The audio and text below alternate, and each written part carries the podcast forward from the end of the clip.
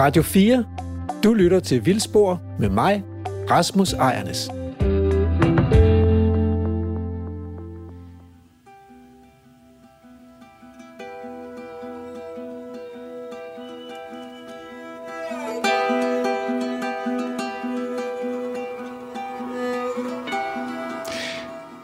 Andrew, hvad, hvad hører vi her? Det, det har jeg selvfølgelig ikke tænkt på. Nu skal jeg, jeg skal udtale et navn, jeg tror, jeg er lidt svært ved. Gustavo Santa Olala. Han har lavet soundtracket til et spil, der hedder The Last of Us. Og det bliver du nødt til at forklare mig, hvorfor... Altså, så nu ved jeg, hvad vi hører, men ja. jeg ved jo ikke, hvorfor vi hører det. Og, øh, fordi dagens program skal handle om svampe. Lige præcis. Og hvad har det her musik med svampe at gøre? Det er godt, du spørger. Uh, The Last of Us er et, uh, et computerspil, hvor at uh, man styrer uh, en mand eller en, en pige, som uh, skal leve, overleve i et samfund, hvor uh, der er simpelthen er blevet overrendt af zombier. Og en af de her uh, zombie-typer, de bliver infesteret af en svamp, så de ikke kan se mere. De kan kun uh, lokalisere, eller hvad hedder det, uh, komme rundt via ekolokalisering. Og det... Øh, jeg må, Kæft, det lyder langt ud af Det er super spændende og fascinerende. Men øh, det er en af de grunde til, at jeg er fascineret af svampe. Det er på ja. grund af zombier. Ja. Ja. Men øh, Hvorfor siger du sådan nej, noget nej, men det er okay. okay. Ja, jamen, det er fordi, jeg, jeg, zombier siger mig ikke rigtig noget. Altså, det er, Hvorfor? Ja, fordi det, jeg tænker, det er sådan noget barnligt noget, det der med de der zombier. Altså sådan okay, vi har meget at snakke om. Vi skal ja, okay. ud på endnu en sommertur, ja. som er ja. Det bliver vi nødt til. Men, men tilbage til de der svampe, fordi øh, får du så gjort noget ved svampene, eller øh, sidder du bare og ser zombiefilm, så du ikke kommer ud og, og finde nogle svampe? Jeg så eller? faktisk en virkelig god zombiefilm i går, ja. men jeg, øh, jeg, jeg har jo kastet mig ud i at læse en bog om øh, svampe. Okay. Øh, I svampenes rige. Den Nå. er kastet mig. Ja, den ja. er begyndt at læse. Så det er jo, og det er jo meget passende. Og jeg må så med skam meddele, at jeg er nærmest gået i stå, og det piner mig sådan set lidt. Jeg har så travlt, så jeg får kigget alt for lidt på svampe. På den anden side, så er det også lidt hårdt på de der svampe. Altså fordi, øh, først så lærte jeg de lette, og det var sjovt. Og de halvsvære, det var også sjovt. Men så når til de svære, så stopper det med at være sjovt, fordi man kan bruge så ufattelig lang tid på at prøve at finde ud af, hvad det er for nogen, og hvad de hedder. Og, øh, og så alligevel efter at have brugt rigtig lang tid på det, opdage, at det, det, man kommer ikke i mål, altså. Så det er sådan en slags evighedsopgave? Ja, og det er heller aldrig rigtig lykkedes mig at blive en glad mikroskopmand. Altså, på et eller andet tidspunkt, når man går i stå, så skal man have svampene under mikroskop og kigge på deres lameller og deres sporer og sådan noget. Og, øh, og det er også svært. Det er svært at finde de der øskner, eller finde ud af, at den ikke har øskner. Det, er, det er svært at måle sporene rigtigt, og finde cystiderne de rigtige steder. Og, og når man så, ligesom, hvis man så har gjort alt, det alt sammen rigtigt, så kan det stadigvæk være, at man ikke kan finde ud af, hvad, hvad, hvad den hedder. Altså, det, det er ikke ualmindeligt simpelthen, at man ender der. Så jeg kan enormt godt lide at gå og finde de der svampe, men, men den der, det der sidste stykke, det har sgu givet mig mange frustrationer. Det, synes, det er jeg faktisk lidt skuffet over, at du simpelthen giver op. Nej, men jeg ved ikke, om jeg giver op.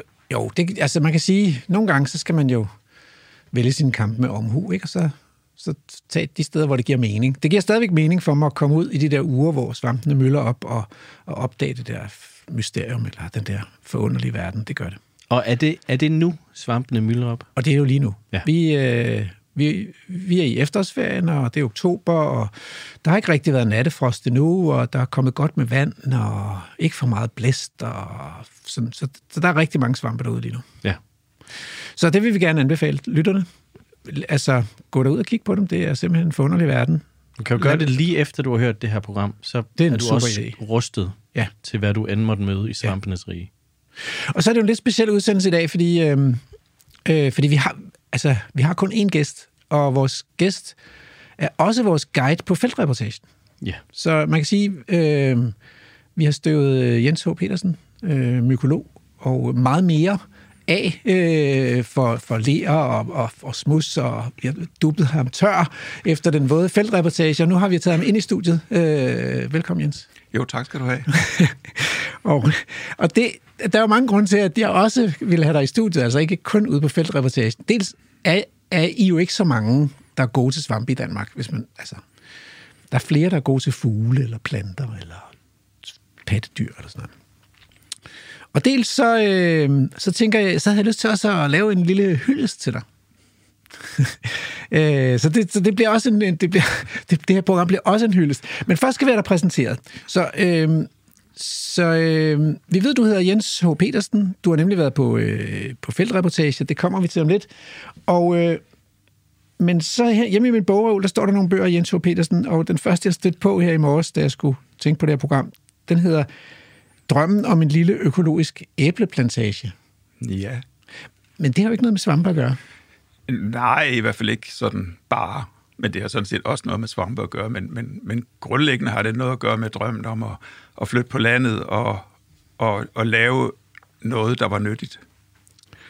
Nyttigt? Jamen, det synes jeg er virkelig interessant. Det kommer vi måske til at dykke lidt ned i. Øhm, det, det er i hvert fald smukt. Så på forsiden af den her bog, udover at der er en regnbue i baggrunden, så er der øh, de smukkeste røde æbler. Det er lige ved, at man kommer til at tænke på et eventyr her, og så skal man jo vare sig. Men de smukkeste røde æbler, hvad er det for en æble, der er på forsiden her? Det er Discovery, vores sommeræble. Ja. Øhm, og du har sådan en æbleplantage, og den ligger ude, ude ved Tirstrup, ved jeg. ja, det er rigtigt, ja. Jeg har besøgt dig derude. Men hvornår dukkede den drøm op, og, øh, og, og, og hvad, hvad skete der? Jamen, den dukkede op i løbet af 90'erne, hvor vi boede inde i Aarhus og havde vores første barn, mig og min kone. Ja. Og øh, altså, vi har begge to vokset op med æbletræer og store haver og, og sådan lidt landlige omstændigheder. Mm. Og øh, vi begyndte at søge, søge efter noget, vi kunne, vi kunne købe, hvor vi kunne plante æbletræer. Mm. Og da vi nåede ud på den anden side af Rønte, der var prisen kommet ned, hvor vi kunne lege med. Ja. Og så havnede vi i Tirstrup øh, med tre hektar jord, øh, der ligesom lå rigtigt til det. Og øh, i 2003, der plantede vi så 1800 æbletræer. Mm. Og så plantede vi nogle flere et par år senere. Mm. Så vi fik en lille æbleplantage. Mm. Og, og, og udover at vi holdt af æbler begge to, og også vidste lidt om æbler, så var det jo selvfølgelig også tanken om, at dem skal man bare plukke, eller slutter, dem skal man bare plante, mm. og så skal man beskære dem lidt. Og så kan man så i mange, mange år høste alt guldet fra de her æbletræer.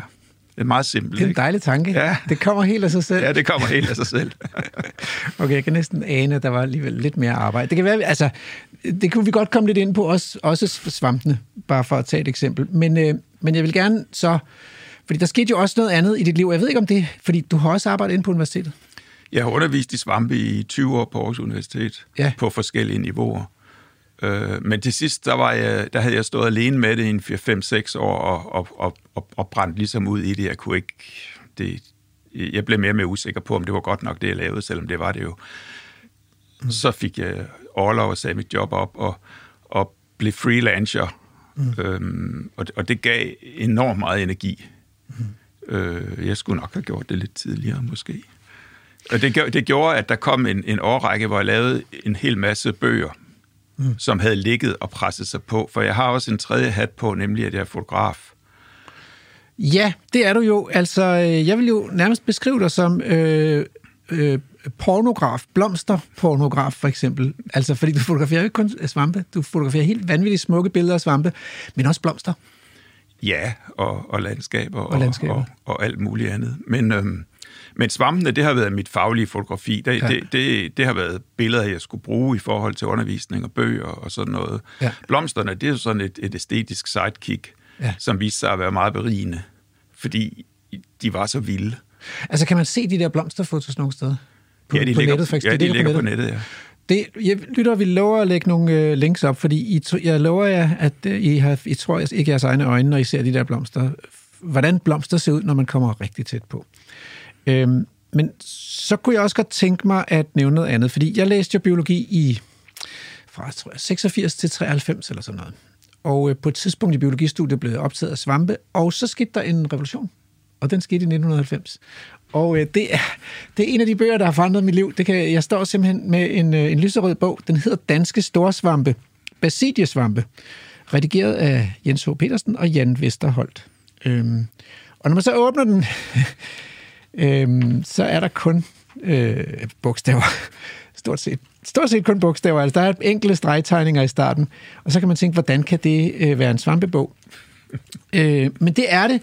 Og, øh, og det, der var revolutionen for mig, det var, at den forsøgte, den gjorde et forsøg på at få alle svampene med.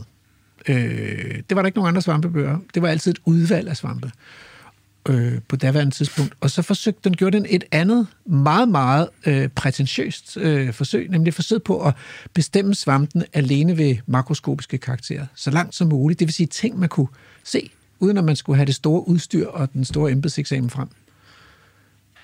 Hvordan, hvordan opstod den idé der, og, og, og hvordan lykkedes det altså? Jamen, det, det opstod, fordi det er jo en nøgle til svampe. Nøgle, det er sådan nogle analytiske redskaber, hvor man, hvor man svarer på spørgsmål. Det kan være, kan være, er den rød, er den blå, og så går man forskellige veje ned igennem en, en labyrintisk struktur, og i bedste fald ender man så med, med et navn mm. et eller andet sted. Mm. Og den forrige nøgle til danske svampe, den var fra 1943, tror jeg, mm. og, og, og jo afgrundsdybt forældet. Mm. Det, var, det var en bog med måske 800 arter, som alle sammen hedder noget andet i dag, så, så det var sådan slet ikke til at bruge. Mm. Så havde Svampeforeningen et projekt med at genudgive den her nøgle i en, en udvidet udgave, men det blev ikke rigtigt til noget. Den mm. kom ikke. Og på et tidspunkt, da vi havde ventet, Jan Vesterholdt og jeg, i nogle år på at se de her nye nøgler, så besluttede vi os til, at vi, nu kunne vi ikke vente længere, nu laver vi sgu selv nogen. Mm. Og det gik vi så i gang med der i 87-agtigt. Mm. Vi stod oppe i, i, i Stakbogladens kopicenter og kopierede tusinder og er der tusinder af sider af de her nyskabte nøgler, som vi sendte til folk rundt omkring i Danmark, så de kunne blive afprøvet, og jeg kan stadigvæk lugte lugten af de der kopimaskiner efter tre timer nede i den der kælder der. Det var helt forfærdeligt. Og da vi havde ligesom lavet det, så, så gik vi til Gyldendal og spurgte, om de ville udgive det der, og det, og det ville de så godt. Og, og så kom bogen.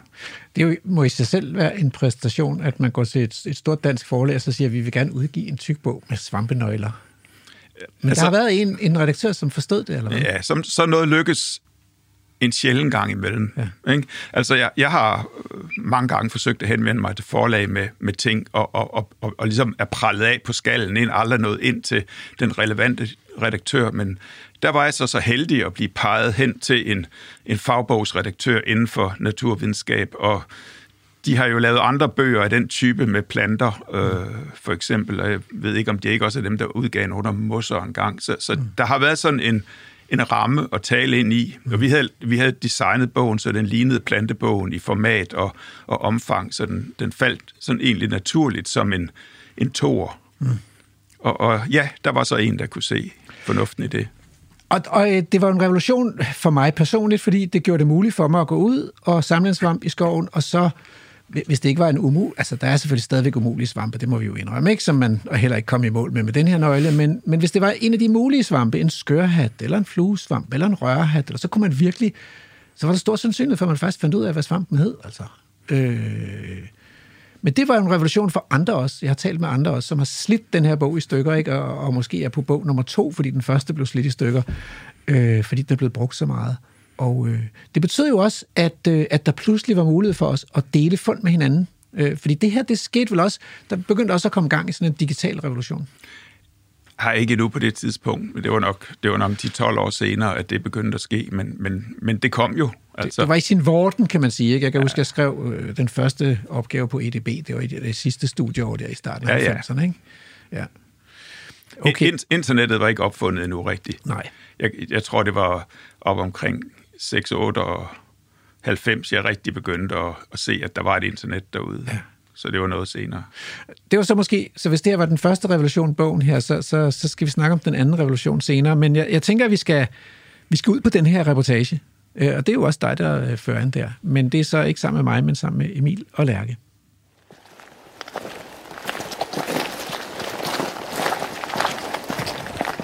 Det er mig, der er Emil Skovgaard Brandtoft. Lige nu er du på rapportage med mig og Lærke Sofie Kleo. Vi kan, altså, vi kan gå ned der er en sti. Det er godt nok mange år siden, jeg har gået her, men det, den, den er der nok stadigvæk. Og så kommer der en bro et sted dernede, så kan man gå op over bakken, og så komme retur op på den anden side af skovmøllen og nedover der. det. Så, så går man sådan igennem et meget forskelligt terræn rundt her. Og, og det, det plejer at være, være fine steder. Det synes jeg, øh, det synes jeg lyder som en, øh, som en rigtig, rigtig fremragende idé. Og øh, manden, der lige beskrev den tur, vi skal ud på, er jo øh, Jens H. Petersen, som er øh, øh, svampemand og forfatter og, øh, og alt muligt andet. Øhm, og Jens, det kan være, du, øh, inden vi kaster os ud i det her øh, svampe øh, jagt her, lige vil øh, bruge to ord på at fortælle, hvem du selv er. Ja, jeg er uddannet biolog med speciale i svampe øh, fra Aarhus Universitet tilbage i slut 80'erne. Og jeg underviste i, i mange år på Aarhus Universitet i, i forskellige svampefag. Øh, de sidste hvad, 7-8 år har jeg været freelancer, arbejdet med Danmarks Svampeatlas-projektet og lavet svampebøger og lavet andre bøger og fotograferet og sådan nogle ting. Og det er jo... Øh, øh, jeg er jo også selv biolog, og øh, Lærke, som er, er her, øh, er også biolog, og vi har jo haft den store fornøjelse af svamperiget, og øh, vi har også øh, i sin tid haft dig faktisk, begge to, øh, i øh, svampeundervisningen. Øh, og den der bog, Svamperiget, den er jo, øh, den er jo en fremragende bog, der sådan, hvis man gerne vil lære noget mere om svampe. Svamperiget var, var, var en lærebog, jeg skrev øh, til undervisning på Aarhus Universitet, fordi de bøger, vi havde, det var sådan nogle plantebøger, der havde svampene med sig med lille appendix, og de var både forældet og ikke særlig sjove.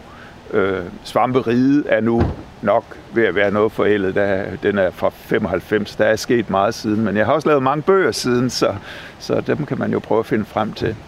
Sidste år udgav jeg sammen med Thomas Læsø, øh, hvad der formodentlig er verdens største svampebog, et, et, et monstrøst øh, tobindsværk på 1717 sider, øh, hvis man har brug for at finde svamp. 1717 sider. Den, dem, dem, dem var også veje nogle kilo alligevel, øh, sådan en bog. Den, det er dens problem. Den vejer 5,5 kilo, eller de to bøger vejer 5,5 kilo. Så. Så de er svære at øh, slæbe med i rygsækken. Ja, det er ikke felthåndbøger. Skal vi øh, prøve at øh, begive os ud i det? Det kan selvfølgelig være, at man skal sige, øh, at hvis der er nogle underlige lyde undervejs, så er det simpelthen fordi lille Magnus han, øh, er med i dag. På, øh, han sidder i viklen på Lærkes mave. Så hvis der pludselig er nogen, der snorker, så er det bare en baby. Det er ikke også derfor, det er søvn. Nej. Den her vej, ja. Vi går ned her.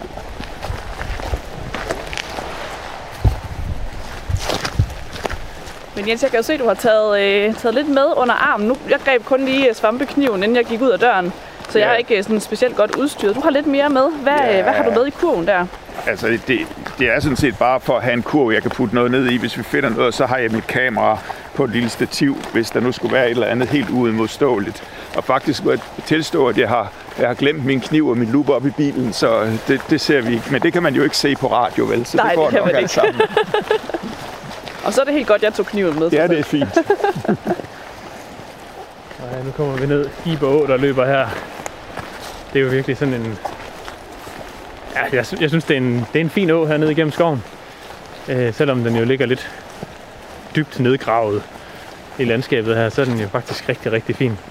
Og et godt sted til vandstær om vinteren, hvis man er, har sådan nogle fugle tendenser, som jeg har, så er det et dejligt sted, hvis man gerne vil se den fine lille, lille fugl, som jo lever et, et liv, hvor den stiller sig op på øh, sten ude i den stærkeste strøm, og så dykker den ned i strømmen og fanger alle mulige små øh, dyr nede på bunden. Nå, men det er slet ikke, det er ikke fuglene, det skal handle om. Øh, Nej. det har det en tendens til med mig. Men, øh, Giber Å her, den, øh, den lugter heldigvis ikke helt så meget kloak, som den gjorde, da jeg startede heroppe i 80'erne.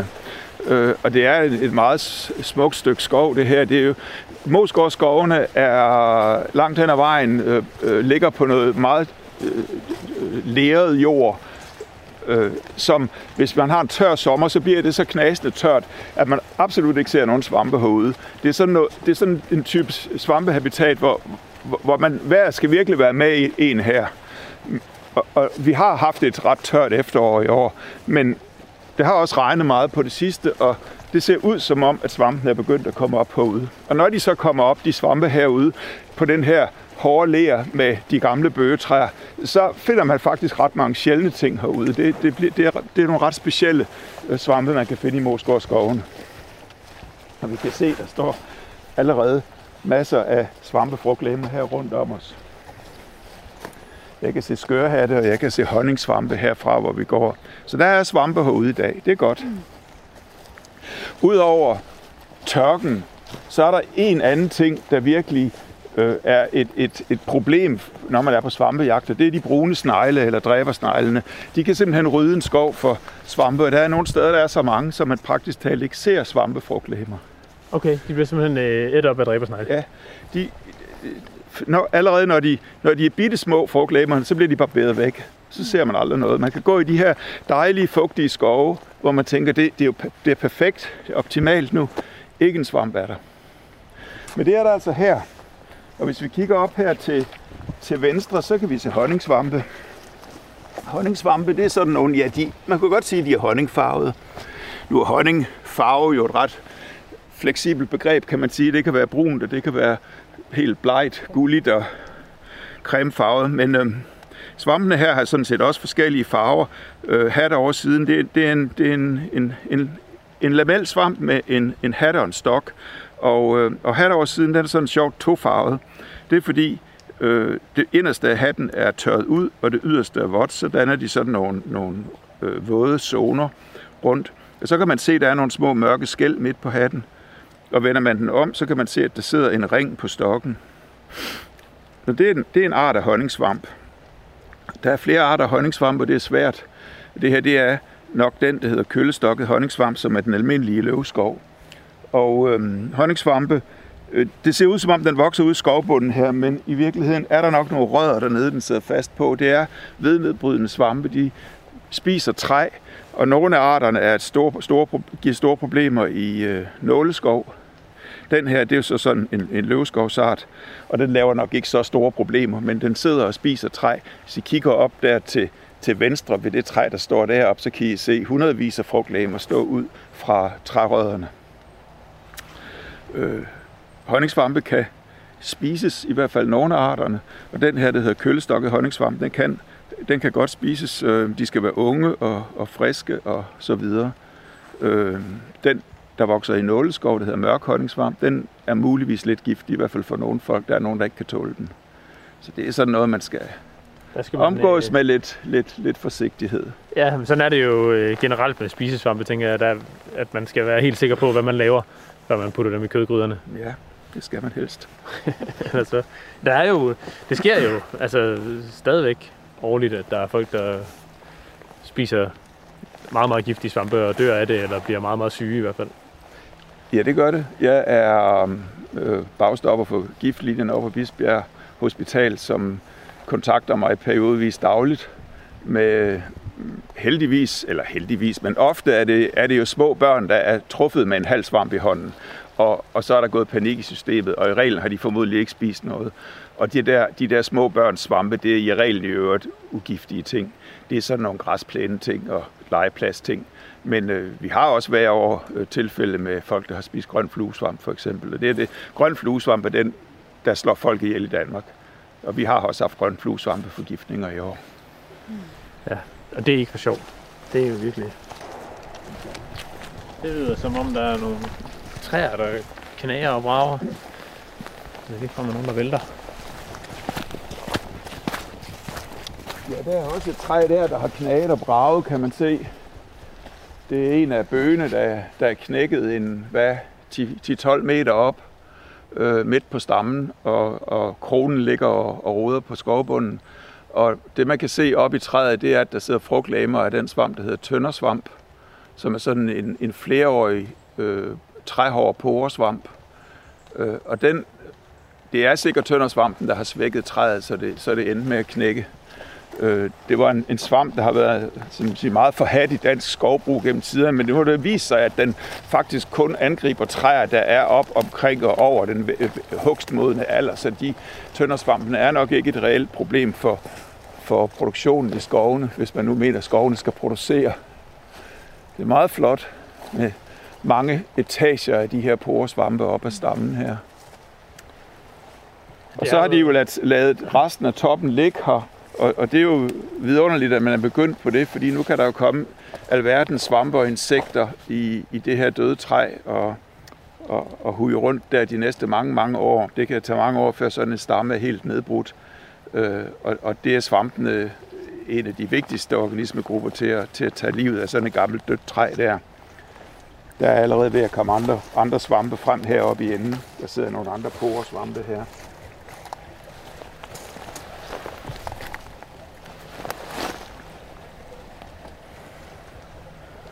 Ja. Der er jo svampe, der, der lever af at nedbryde dødt træ og alt muligt dødt materiale ude i naturen, og det er jo en af svampenes store opgaver at, at agere skraldemænd. Der er også en stor svampe, der lever, øh, gruppe, der lever i symbiose med træerne, som laver det, der hedder svamperåd eller mykorrhiza, og de hjælper så træerne til at vokse. Så det er ligesom de to strategier, man ser i sådan en skov her. Det er nedbryder svampe, og så er det symbiotiske svampe, der vokser sammen med træerne fluesvampen, vi, vi nævnte før, den grønne fluesvamp, den, den lever øh, i symbiose med forskellige træer. De her, øh, Jens, de her lidt mindre øh, frugtlemmer, der sidder her, er det bare øh, også øh, tøndersvampen, som ikke er blevet så stor endnu? Eller ja, ja. er det en anden porsvamp? Nej, det er øh, de små bitte frugtlemmer og tøndersvamp. De kan blive kæmpestore. De kan blive 50 cm på tværs, sådan nogle tøndersvampe, når de virkelig, virkelig er store. Men de skal jo starte et sted. Ja, og dem her, de er nok 3 cm, 4 cm den største her. Så der er et stykke vej for dem endnu. Vi ser hernede, så sidder der nogle andre små svampe. Der sidder nogle små hugesvampe her i, i mosset nede på, ja, på basis af stammen. Øh, og de, de spiser ikke træet. De, de har et eller andet kørende i mosset her, hvor de spiser noget dødt, noget dødt materiale inden her. Jeg kan prøve at snuppe en af dem og se. Lille, lille sirlig svamp med en stok, der måske er en halv millimeter tyk og 4 cm lang, og en lille hat, der i hvert fald er under en centimeter bred. Lille, tynd fyr.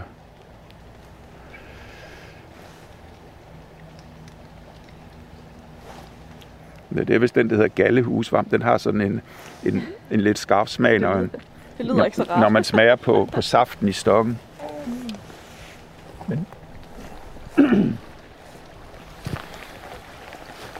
Men, men det du også gjorde her, øh, Jens, det var at du, du plukkede øh, sammen og stod og kiggede på den, og så nævnte du nogle, øh, nogle karakterer og størrelser og sådan noget. Og så knækkede du den lige og, og stak den i munden. Mm-hmm. Øhm, og så er, er, det, er det sådan en typisk ting, smag, yeah. øh, når man bestemmer svampe, eller hvad?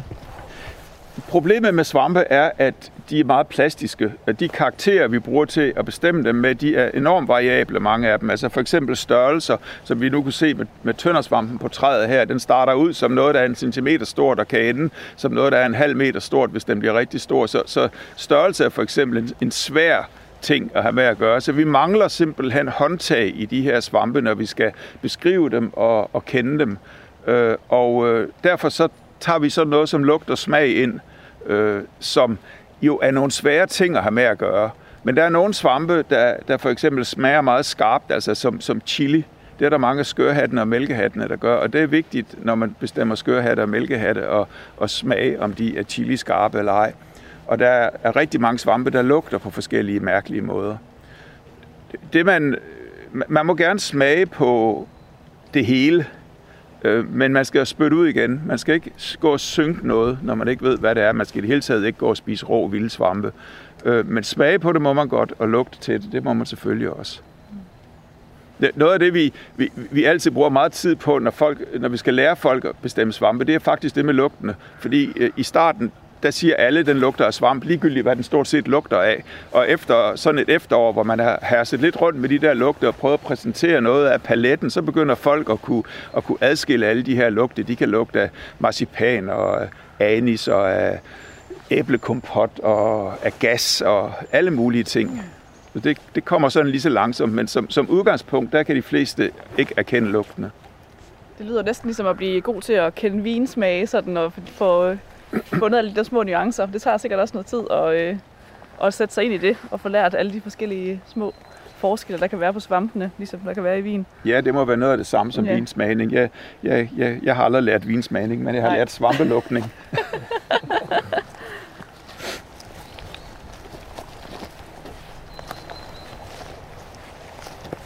det er sjovt med de der tøndersvampe, de bliver så hårde. Altså nu tænker man sådan en svampe som sådan en meget mm. blød, slasket ting som regel. Det kan selvfølgelig se ud på mange måder svampe, men, men hvorfor bliver de så hårde, de der tøndersvampe? Jamen det er fordi deres strategi er at vare mange år, altså hvor frugtlæmmet varer mange år. Der, inde i, inde i alt det, alt, alle de steder, hvor der kommer svampefrugtlæmmer fra, der vil der være et, et, et svampeindivid inde i det, de danner frugtlæmmerne fra. Så der vokser en, et svampemycelie rundt ind i den her store bøgestamme. Mm. Øh, og det kan blive mange år gammelt, og det, det kan de fleste svampe på den måde blive mange år gamle. Men øh, frugtlæmerne, som de fleste svampe laver, er jo ret kortlivede. Det kan jo være lige fra en blækhat, der kommer op om morgenen og væk om aftenen, og til en, øh, altså en champignon, der måske er fem dage om at, at, at komme op og forsvinde, til en kantarel, der måske kan stå der tre uger, mm. til sådan en flereårig poresvamp, som, ja, tøndersvamp bliver vel en 8-10 år i frugtlæme, når, når de bliver gamle, men der er øh, flereårige poresvampe i Danmark, der kan blive både 20 og 30 år gamle i frugtlæmerne. Og det kan man simpelthen se, hvis man så brækker sådan et frugtlæme op, så kan man se en hel masse, ligesom overringe, man kan se en hel masse vækstlag i det, hvor man kan se, at de har vokset måske 4 mm om året og i en, i en forfærdelig masse år mm. for at danne det her store frugtlæme. Så det er, en, det er jo en strategi for at, at have et frugtlæme, der lever længe, det er at gøre dem hårde. Men det er klart, hvis man putter dem i mikroskop, så ser de så lidt anderledes ud indeni, end de her bløde, sjaskede ting, vi finder ud i skovbunden. Der, der er det simpelthen en anden type celler i dem.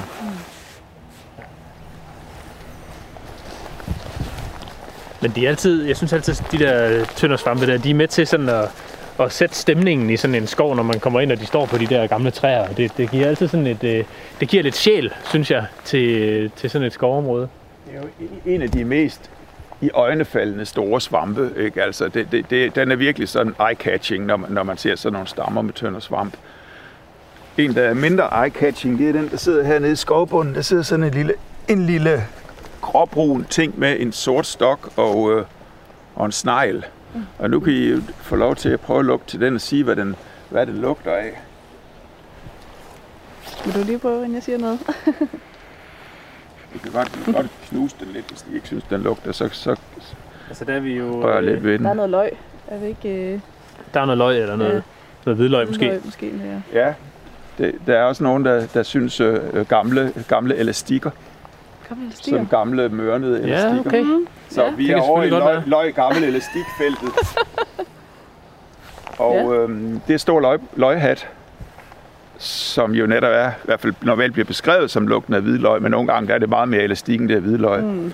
Øhm, og som, er det så alderen på den, der... Øh, nej, ja, det, ja, det ved jeg ikke. Ja, det kan godt have noget med tørheden at gøre. Måske nu er de meget friske unge, dem her. en, en forfærdelig almindelig svamp i bøgeskoven. Den sidder på, på små pinde igen, som ligger ned, enten i jorden eller oven på jorden. Jeg mm. kunne ikke lige se en pind her, men der er nok noget træ dernede, så den har fat i. Der er også noget andet her. Ja, den har måske jeg har været tur under gummistøvlen. Den også men, på, øh, ja.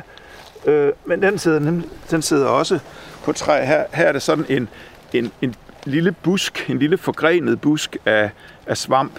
Øhm, nogle, nogle gullige grenspidser og lidt mere brunlige nedad, og så sidder den fast på en lille pind her. Nede ved basis af den, der er der sådan nogle tykke hvide tråde, som er dens mycelie tråde, der, der sidder der, det er rank koralsvamp, der sidder her. Det var faktisk dem, jeg lavede special om for en million år siden, da jeg gik på universitetet.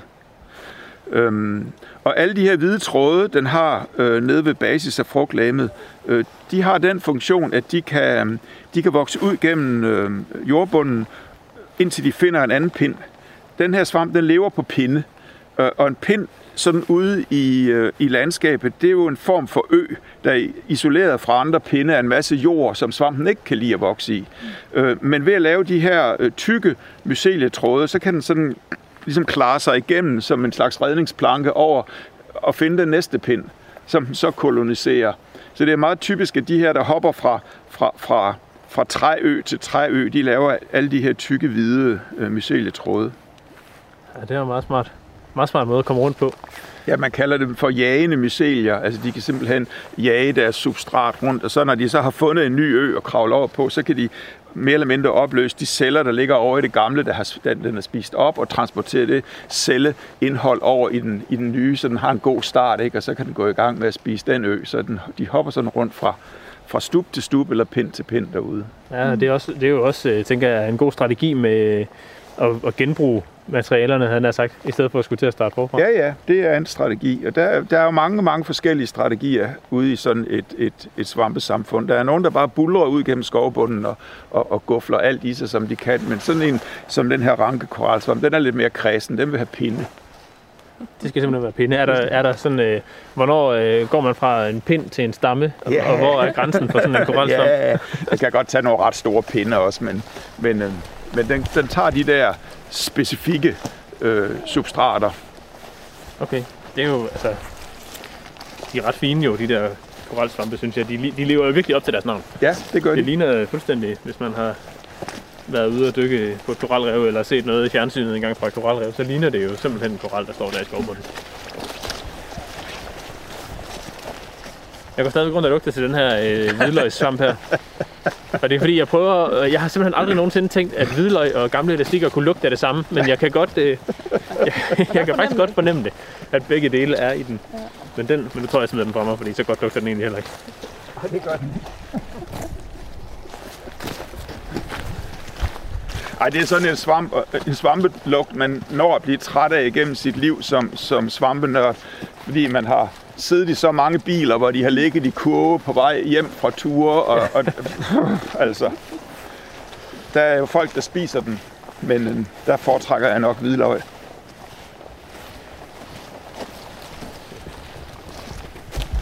Det er, hvor mange svampe, det er faktisk rigtig godt herude.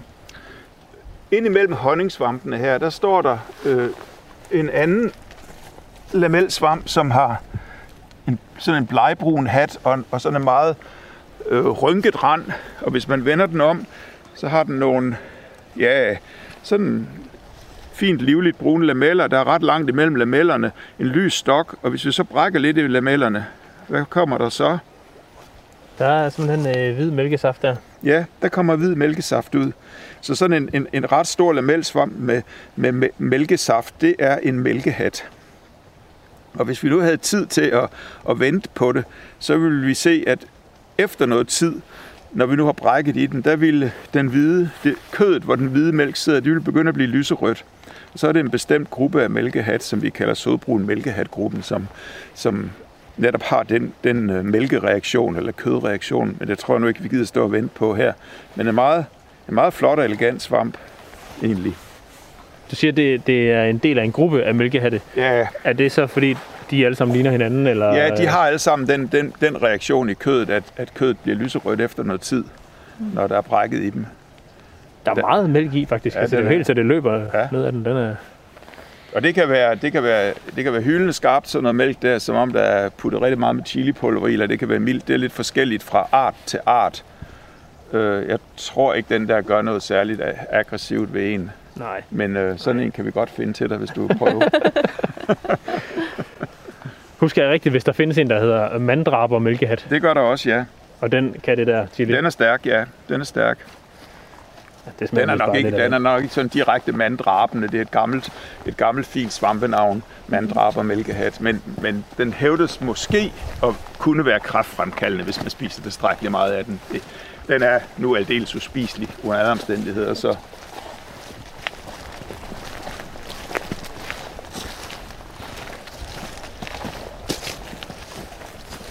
Her er en af de her, de her børn på legeplads svampe.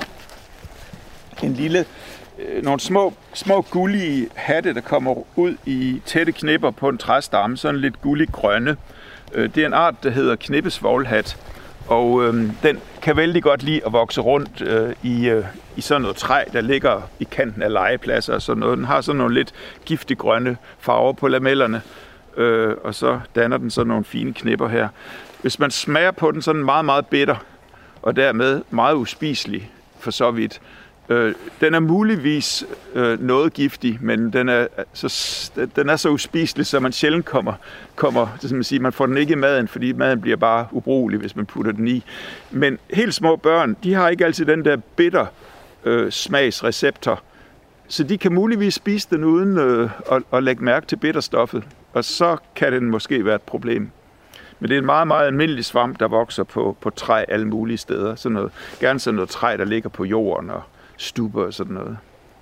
Hvis man har haft et gammelt træ i haven, man har fået fjernet og har fået fræset bort, så vil den komme op på græsplænen typisk. Det, det er også en meget, meget almindeligt at se den rundt om i haver og på kirkegårde, hvor man har fjernet træer. Knippesvoglhat. Og her kommer den ud af sådan en gammel, gammel træruin. Er det vel nærmest resterne af et gammelt, stort træ. Det er en gammel bøg, ja. Det har egentlig været en ret stor bøg, Ja, det er sådan en flot bøg. og nu er den så mad for Og knippet. den er, den er så fra en tidsalder, hvor man nok ikke så meget lå stammerne ligge, ellers så vi skulle den jo have ligget her fyldt med svampe, ikke? Men, men det gør man så heldigvis i dag.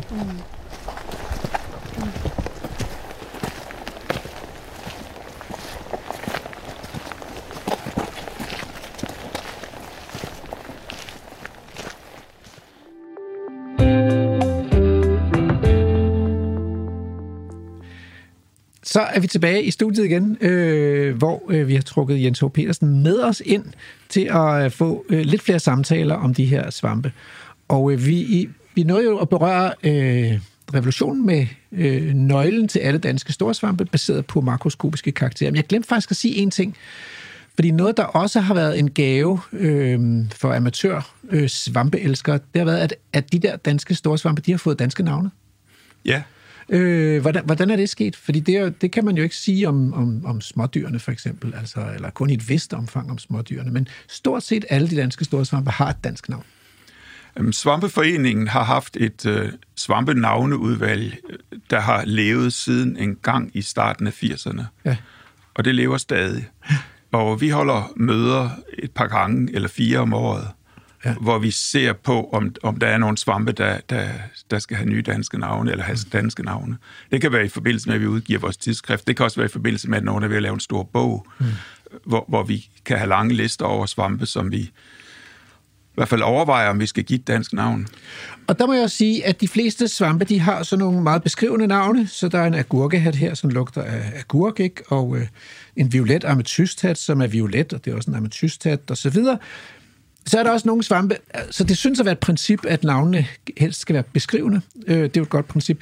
Der er også nogle navne, som, øh, og der bliver jeg lidt nødt til at, at tjekke, om du har finger med i spillet her, ikke? som hedder sådan noget som vatpik, øh, pilfinger, krølhåret pragtbæger, hvid hængepik, øh, og den slags. Øh, så der er også, indimellem så dukker der også noget, der er lidt humor op, faktisk, kan man jo også sige. Ja, men humor er jo, frem, fremmer jo forståelsen, ikke? Som man ja, siger. ja. Og, og, og et navn, der har en humoristisk vinkel, hænger simpelthen bedre fast. Altså, vi kan huske kæmpefluen Harald, hvis vi nogensinde mm. har hørt om mm. den, mm. fordi navnet er så, ja, hvad fanden foregår der lige der, ikke? Ja, altså, ja. så, så der må gerne være en, en, en humor. Problemet med humor er, at det er jo ikke alle, der forstår det, og nogle gange kræver det også noget, nogle, nogle øh, referencer eller, eller noget viden at, at forstå. Det kan let blive for indforstået. Men der har man jo sikret sig her, fordi hvis man er autist og læser pilfinger, så læser man måske pilfinger. Mm-hmm. Og det er jo korrekt, fordi det er sådan en håndformet svamp, der vokser på gamle pilegren. Det er nemlig det, der. Ja, ja men det er meget fikst. Så, så er der også spiritustesten. Øh, spansk grøn bredblad, blågrøn bredblad og blegblå bredblad. Ja, blegblå bredblad fire gange hurtigt efter hinanden. Det er næsten umuligt. Det kan man ikke. Så prøv det, kære lytter. Blegblå bredblad, blegblå bredblad, blegblå bredblad, blegblå bredblad. Så kører vi. Øh, men de her svampe, øh, der er nogle udfordringer med dem, udover at sætte det rigtige navn på. Fordi hvis jeg nu siger mariehøn eller flodhest, så får de fleste et øjeblikkeligt billede ind i hovedet af, hvordan en mariehøn ser ud, eller hvordan en flodhest. Der opstår simpelthen det der billede, ikke? Men hvad skal vi egentlig forestille os, når vi hører ordet broget skørhat? Ja, vi skulle jo forestille os en broget skørhat, men det gør de fleste jo selvfølgelig ikke, fordi de ikke ved, hvad en skørhat er. Og det er det ene problem. Fordi hvis jeg, hvis jeg nu siger... Øh, en, altså, altså man kan sige, hvis jeg nu siger søde æble, så skulle man jo gerne forestille sig et æbletræ. Man kunne også godt forestille sig æblet, selvfølgelig, ikke? Øh, men hvis jeg siger, at jeg kører på planteskolen og køber en Filippa, så tænker folk ind i hovedet, så ser de jo sådan et træ, jeg Ja. skal plante ud i min have, ikke? Jo. Og ikke et æble. Jo. Men hvis, når vi taler om de her svampe, så ser vi jo altid det der frugtlæme, som vi plukker ude i, eller finder ude i skoven, eller ude på græsmarken, eller sådan noget. Men det er jo i virkeligheden ikke det der, altså det er jo bare en lille del af svampen. Ja, det er det jo. Det, det, altså, det svarer til æbletræ til æbler. Det, det er en frugt, Ja, det er vel egentlig en meget god parallel. Jo, det er det. Og så skulle man forestille sig, at hele æbletræet er gravet ned i jorden, Ja. og, og, og det bare popper æbler op over jordoverfladen. Ja. Svampen vil ligge nede i, i, i det substrat, den nu vokser i. Det kan være i jorden, eller inde i en træstamme, eller Ja. i en kolort, eller hvor den nu er henne. Og, og den ser man ikke. Nej. Og det er faktisk først nu med, med, med DNA-mulighederne, at vi kan begynde at få en mere præcis fornemmelse af, hvor ude i, i verden de her svampe vokser rundt sådan mm. præcist. Ellers så har vi været helt afhængige af at se, hvor deres frugtlæm er poppet op. Mm. Og hvis de ikke laver frugtlemmer, så ved vi ikke, de er der. Det er jo så det andet, at der er faktisk meget dernede underground, øh, som vi aldrig, aldrig har set og ikke rigtig har svært ved at gøre os nogle forestillinger om, fordi det ikke laver forklemmer. Ja, det viser sig, når man, når man undersøger DNA fra jord for eksempel, at der er mange, mange, mange flere svampe til synladende dernede, øh, end dem vi kender, ja. og man støder også på svampe øh, DNA, som, som man kan bestemme via, via databaser over det her DNA, men, men, men DNA fra arter, vi ikke ved, vi har i Danmark. Mm. Øh, måske fordi de aldrig har sat frugtlæmer i Danmark. Mm. Måske fordi de er lidt klimatisk presset i Danmark i forhold til i Sydtyskland, hvor de så maligt kan sætte frugtlæmer. Så, mm. så der foregår en umådelig masse inde i alle mulige vækstmedier, mm. og vi ved ikke meget om det. Men det er, den positive del af den her historie, det er jo så, at man kan bare plukke løs af de der svampe. Øh, det er ligesom at plukke æblerne fra et æbletræ. Man fælder jo ikke træet, fordi man plukker æblerne. Så, øh, så, så svampene tager ikke skade af, at man plukker frugtlæmerne. Nej, det gør de ikke. Det er jo godt at huske. Øh, men lad os tale lidt om, hvad svampene så egentlig er for nogen. Fordi i bund og grund, så har de jo det samme problem som os dyr. De kan ikke ligesom skaffe sig deres energi selv. Altså planterne, de kan skaffe sig energi via sollyset, mens det kan svampene ikke. På den anden side kan de jo heller ikke ligesom jage deres bytte. De har ikke ben eller vinger eller sådan noget, de kan komme omkring med. Så, så hvordan skaffer svampene sig deres energi? Svampene skaffer sig deres energi på to måder. Enten er de nedbryder, eller også lever de i en eller anden form for symbiose med nogle andre organismer. Og for nedbrydernes vedkommende, der foregår det på den måde, at de her øh, svampeceller, der vokser rundt inde i et eller andet næringssubstrat, de udskiller enzymer. Og de enzymer, de spalter nogle næringsstoffer uden for svampen, som så kan diffundere ind i svampen. Hmm. Øh, et meget simpelt princip. Og det gør, øh, det, det er nok svampenes store force, at de kan lave det trick, for de her svampeceller, som, som er sådan nogle lange cylindriske celler, der hedder hyfer, de kan, de kan presse sig ind i næsten hvad som helst, og derfor kan svampene komme til stede ind i alt muligt dødt organisk materiale, øh, og lave deres indbrydning, nedbrydningsproces sådan set indenfra. Mm. Så de inde i en død træstamme, der vil der være svampe over det hele, og de er i gang med at udskille enzymer dybt inde i, i træstammen, mm. der øh, spalter det her forskellige organiske stof, træet er bygget af, og gør det spiseligt for en svamp. Mm. Øhm, så på den måde lever nedbryderne og nedbryder tingene. Og det, og, det, og det er jo fantastisk, fordi øh, man kan sige, i sådan et økosystem er der ligesom brug for at få cirkuleret næringsstofferne. Der er en masse næringsstoffer også gemt i sådan noget dødt plantemateriale. Mm-hmm. Det bliver så recirkuleret via den her nedbrydningsproces. Ja, det gør det. Ja. Det bliver til svampemycelier, som så sidenhen også dør og kommer ud i, i cirkulation. Så det er, det er sådan det første step for mange ting, der skal nedbrydes, det er, at svampene tager fat. Men svampe kan også noget andet. Ja, de kan lave det for eksempel, der hedder svamperod eller mykorrhiza med træer, øh, hvor, hvor, hvor deres øh, øh, mycelie nede i jorden vokser sammen med træernes rødder og øh, kommer til at hjælpe træet som et udvidet rodnet. Svampene kan simpelthen hjælpe med at samle vand og næringsstoffer ind til træet. Mm. Og retur fra træet får svampene så noget af det sukker, træet har lavet ved fotosyntese. Mm. Så der bliver simpelthen byttet i porten der. Mm. Og der, der er faktisk ganske mange forskellige sådan nogle symbiotiske systemer i spil i svamperiget, men det her det er måske en af de sådan mest synlige, mm. og det er mange af de svampe, folk trods alt kender, fluesvampe, rørhatte, kantereller, som lever øh, ved hjælp af det her øh, svamperod eller mykorrhiza. Laver er også i virkeligheden en slags svampe, ikke? De der laver, man mm. finder ud på klitheden, eller som vokser på træernes stammer, øh, eller på sten. Ja, de gør, det, de gør noget, der ligner, men der, der er det så ikke træer, de vokser sammen med. Der er det encellede grønalger, som svampene har bygget en struktur, der, hvor, hvor algerne kan være indeholdt i svampen. Det, man ser som en lav, når man går ud og ser en rensdyrlav, det er en, en svampestruktur fyldt med grønalger. Grønalgerne laver øh, sukkerstoffer, svampene beskytter dem.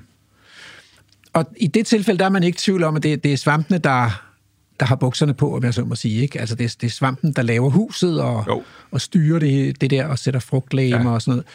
Men hvordan er det i skoven? Er det, er det egentlig er det, er det planterne, der bruger svampene til at, er det træerne, der bruger svampene til at skaffe sig øh, næringsstoffer, eller er det omvendt? Er det svampene, der udnytter planterne? Ja, men det er jo, man kalder det mutualisme, altså en gensidighed, der er mm. der, og det, den er nok meget gensidig, øh, men, men de svampe, der skal lave mykorrhiza, de kan ikke leve uden. Mm. Træerne, de kan måske leve uden, men sikkert ikke trives. Mm. Så. Okay, så det er i hvert fald til begges fordel. Øhm, der, altså, der er nogen, der har døbt øh, den der underjordiske verden, Wood Wide Web, Ja. som sådan en, en joke der, men altså, er det, er det rimeligt altså? Jo, det er sikkert rimeligt nok. Ja, det hænger sammen. Det hænger noget, sammen, det Som hele. er det. eller? Ja, ja. Jamen, øh, lad os snakke mere om det i anden time. Øh, nu er det tid til nyheder. Radio 4. Du lytter til Vildspor med mig, Rasmus Ejernes. Så er vi tilbage i Vildspor, og som i dag handler om svampe. Det er højsæson for svampe lige nu, og vi er taget i felten med Jens H. Petersen, som er mykolog, øh, og også en dygtig pædagog, som vil vise os nogle svampe, og øh, faktisk har vi også Jens i studiet. Øh, men først tilbage til reportagen i Moskov. Det er mig, der er Lærke Sofie Gleup, og lige nu er du på reportage med mig og Emil Skovgaard Brandtoft. Jens, jeg er jo nok øh, en af dem, som øh, når jeg går på øh, tur med, med svampekurven, så er det fordi, jeg gerne vil ud og finde en, øh, nogle kantereller, eller nogle trækkantereller, eller et eller andet andet, jeg kan tage med hjem og spise. Og det, det er sådan set... Øh, jeg kan godt lide at spise de der svampe der, men jeg synes jo virkelig også, der, der er meget mere at komme efter i, øh, i svampenes verden. Jeg har bare ikke rigtig fået hul på det. Øh, men hvordan, øh, hvad er, når du går på svampetur, hvad er så øh, dit mål med det? Hvis man kan sige det sådan. Jeg forestiller mig ikke, at det altid er øh, til gryderne. Nej, det er, det er faktisk ikke ret tit til gryderne. Det, når jeg går på svampetur, så viser der sig altid så meget andet, at øh, hvis jeg også samler spisesvampe, så har, jeg, så har jeg så meget med hjem, så jeg, jeg når simpelthen ikke omkring det. Altså. Så i reglen samler jeg stort set ikke spisesvampe. Med mindre jeg lige har besluttet mig til, at i aften vil jeg lave noget med svampe, så tager man ud og prøver, prøver at finde de der spisesvampe. Så kan man selvfølgelig aldrig finde dem, vel? Men- Nej, sådan er det. men sådan er det, ja. Men altså, man kan jo, man kan jo ikke færdigsætte sådan en skov her, uden at støde på, på, øhm, på, på spændende og flotte ting hele tiden i svampeverdenen, i hvert fald ikke i, på, i efteråret på det her tidspunkt. Og, og, og, og så skal man jo, det, det, man finder jo altid noget, man ikke ved, hvad er. Altså, vi- vi har, hvad, 8-10.000 svampearter i Danmark formodentlig. Øh, Vi ved det ikke. Øhm, Det er ikke alle sammen store svampe. Noget af det, det er sådan noget bitte småt noget, men alligevel. Jeg tror nok i år, der har vi fundet over 80 nye arter for landet. Og øh, vores gennemsnit ligger på 60 i øjeblikket, altså på årsbasis nye arter på landet. Og, og, og igen, meget af det er, er, er småsvampe, som virkelig kræver special ekspertise, men noget af det er også store kødede frugtlamer, som ikke, altså i øjeblikket er der en stor lyserød øh, flad svamp på, på nåletræ, der breder sig rundt. Den er pludselig fundet fire steder i landet. Vi- Det er ikke andet end et par år siden, den blev fundet første gang, og hvad sker der lige der? Så, så der sker en hel masse altid. Og, og det er jo, altså man prøver jo på, og det er jo sjovt at, at finde noget nyt, og noget man ikke kender, og, og så er svampe i øvrigt så svære at bestemme, så, som i, i mange grupper, der, der, der er man grundlæggende usikker på, hvad det er, man har fundet, indtil man får det med hjem. Og, og det tager jo tid. Altså, det, man må aldrig gå i skoven mere end en halvanden time eller sådan noget, fordi så har man allerede nok til at fylde hele rest- dagen, og måske resten af næste dag også, for hvis man skal bestemme alt det, man har samlet ind, øh, virkelig gøre det ordentligt. Og også derfor, så, så bliver der ikke så meget tid til spisesvampene, når man, når man går i skoven. Nej, det er klart. Men jeg har selvfølgelig, jeg har selvfølgelig sådan nogle steder, hvor jeg ved, at der, der står der kantraller, eller der er der tit rørhat, eller sådan, så kan man jo så lige smutte forbi der samtidig. Men det er ikke det, der fylder. Nej. Det, det, det, ville jeg egentlig, det ville jeg jo heller ikke have gættet på, at det var det, der fyldte. Øhm, men du nævner de der nye arter for landet, er det, øh, og, det der med det sjældne og, mm. og den jagt, der, er det, er det en drivkraft for dig at komme ud og, øh, og finde noget nyt? Nej, ikke, det er ikke en drivkraft for mig som, som sådan, fordi jeg ved ikke, det er jeg skulle blive for gammel til. Jeg, jeg, jeg, jeg, jeg, vil, gerne, øh, jeg vil gerne opleve øh, svampenaturen derude, altså bare så, så det er egentlig mere med den på, og med mit kamera i lommen, at jeg tager ud for at, at, at se, hvad der er af oplevelser. Men man ender jo med at komme hjem med nogle af de der ting, som så alligevel kan være nye for landet, eller i hvert fald noget, som man måske ikke selv har set før. Og det er jo altid sjovt at finde noget, man ikke har set før. Altså, det er jo ikke det. Det, det, er, det er der, men det er ikke, for mig er det ikke den, den drivkraften. Der er så meget forskel på, hvordan folk er skruet sammen med det. Inden for det her Dans, Danmarks Svampeatlas-projekt, vi har, vi har kørt nu i, i 10 år, der, der har der været indlagt nogle konkurrencer for, hvem der fandt flest arter og flest nye arter og sådan noget. Det er der nogen, der bliver grebet gevaldigt af, og, og virkelig staser rundt derude for at, at, at, at oppe deres lister. Jeg er ikke så meget listeorienteret. Jeg, jeg, jeg er nok for meget æstetiker. Jeg kunne få meget tid til at gå med at sidde og fotografere den der flotte poresvamp, der sidder over på stammen der for eksempel. Og så, så er de andre jo længe nede ved sjældenhederne, når jeg endelig bliver færdig med, det er jo en ganske almindelig svamp, det er randbæltet hårporesvamp, der sidder der. Den kan man blive ved med at fotografere, fordi den er så smuk og orange og med dråber og alt muligt. Øh, Så det, det fortaber jeg mig jo typisk i. Det er simpelthen øh, det er en æstetisk oplevelse at komme på svampetur. Ja, det, det skulle det gerne være. Jeg så spurgte du til det det der med, så spurgte du til det der med spisesvampene. Og så tænker jeg, der, der, der var faktisk, jeg har faktisk dyrket spisesvampe, for, jeg, for hvad, 7-8 år siden, der, der skrev jeg en populær en lille øh, øh, spisesvampebog, Svampe du kan spise. Og, og øh, der besluttede jeg mig til, at i stedet for at skrive af fra de andre, så ville jeg selv prøve at, at, at, at lave retter af, af de svampe, jeg nu havde med. Jeg kan ikke huske, om det er 40-50 forskellige svampearter, der er med i. Det er sådan noget i den stil. Så der, der var sådan et år eller to der, hvor jeg virkelig fik spist mig igennem nogle svampe også, hvor jeg gik målrettet efter det. Og det gav også nogle øjenåbner i, i retning af, at noget af det, der står som spiselige svampebøgerne, det er aldeles uspiseligt og sådan noget. det der, var, der var virkelig nogle fæle oplevelser iblandt, vil jeg sige. Som, okay. som ting, som man bare plejer at skrive, sætte, sætte gryder eller gafler, eller hvad det nu er, man sætter et ikon ved en spisesvamp. Fordi Ja. det, det, har, det har man jo altid. Det, er ligesom, der var noget, der ikke var værdigt til at komme med i bøger i hvert fald. Mm. Okay. Men der er måske også noget med, øh, hvornår noget er spiseligt, fordi man, altså, skal det smage godt, eller skal det bare være ufarligt, eller ja. og, og, hvor sætter man øh, den der grænse for spiselighed henne? Det skal selvfølgelig smage godt, men der er selvfølgelig enormt meget smag og behag i det, og der er jo no- nogle kulturelle øh, forskelle. Altså østeuropæere spiser nogle andre svampe end, end vesteuropæere og, og så videre, så der, der er jo meget i det, men, men det, skal da, det skal da smage godt, ellers er der ikke meget sjov ved det. Vi, vi lider jo ikke nød her i landet. Altså, det er jo ikke sådan, at vi, at, at vi er hungersnødsagtige tilstande, er nødt til at, at spise, hvad vi kan finde. Så vi øh, klarer os med kantarellerne og de gode rørhatte og sådan noget. Det er det, vi gør. Jens, et spørgsmål, som man nok øh, tit får, når man sådan har specialiseret sig i en artsgruppe, det er, om man har en yndlingsart. Har du en yndlingssvamp? Nej, det har jeg ikke. Eller en svampegruppe måske, hvis du vil udvide det lidt. Ah, men det, man kan godt sige, det, hvis man sådan skal op på det høje plan, så er der, der er to store grupper af svampe, der laver frugtlæmer ude i naturen, som hedder basilesvampe og sæksvampe. Og når vi nu holder sådan nogle mandagsaftener i svampeforeningen for eksempel, hvor folk kommer ind med svampe, de har fundet, så ligger der 99,9% basilesvampe og, og 0,1% sæksvampe på bordet. Men sæksvampegruppen er faktisk den største svampegruppe. Mm. Væsentligt større end basilesvampene. Og øhm, det, er jo så sådan en, man, man først starter på sent, fordi de laver måske små, lidt svært frugtlemmer, der er lidt svært at finde, og måske er de meget svære at bestemme, mm. og, og måske bliver man bare givet til hele tiden at se efter de der spisesvampe.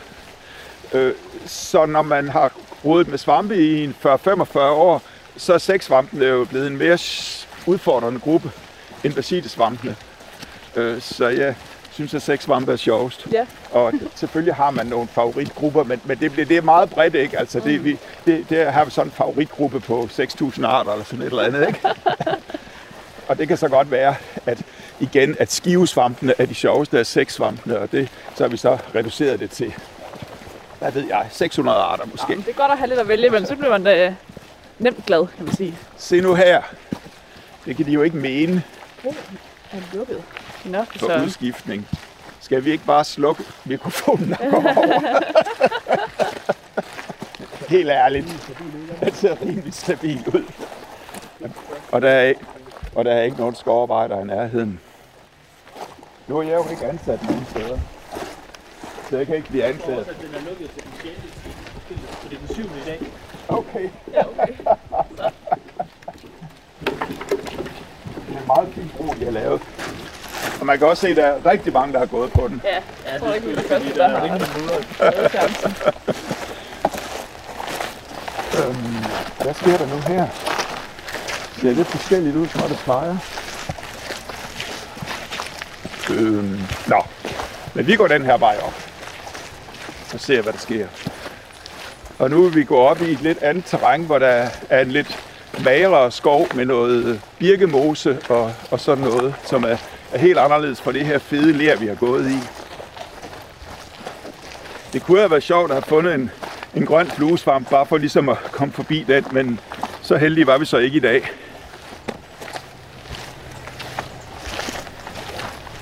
Det er jo egentlig en ret flot svamp, grøn fluesvamp. En vældig flot svamp. Og den står der, men den har jo den der sådan sart grønlige skær på den der ellers sådan hvide cremefarvede svamp, eller hvad den nu er.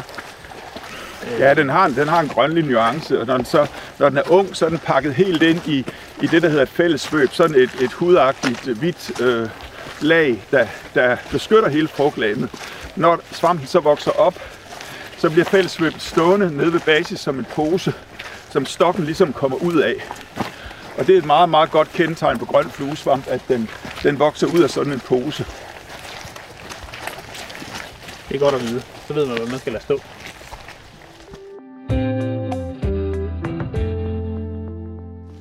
Og lige her, der er der et, øh, det er et meget, der er et meget fint svampested lige her, som jeg jeg synes, vi skal gå over og kigge på. Det er sådan et, et, et hotspot, vi har her for, for fine lamelsvampe, og i øvrigt også for andre ting. Så lad os prøve lige at gå op på, på bakken her og se, hvad der foregår der.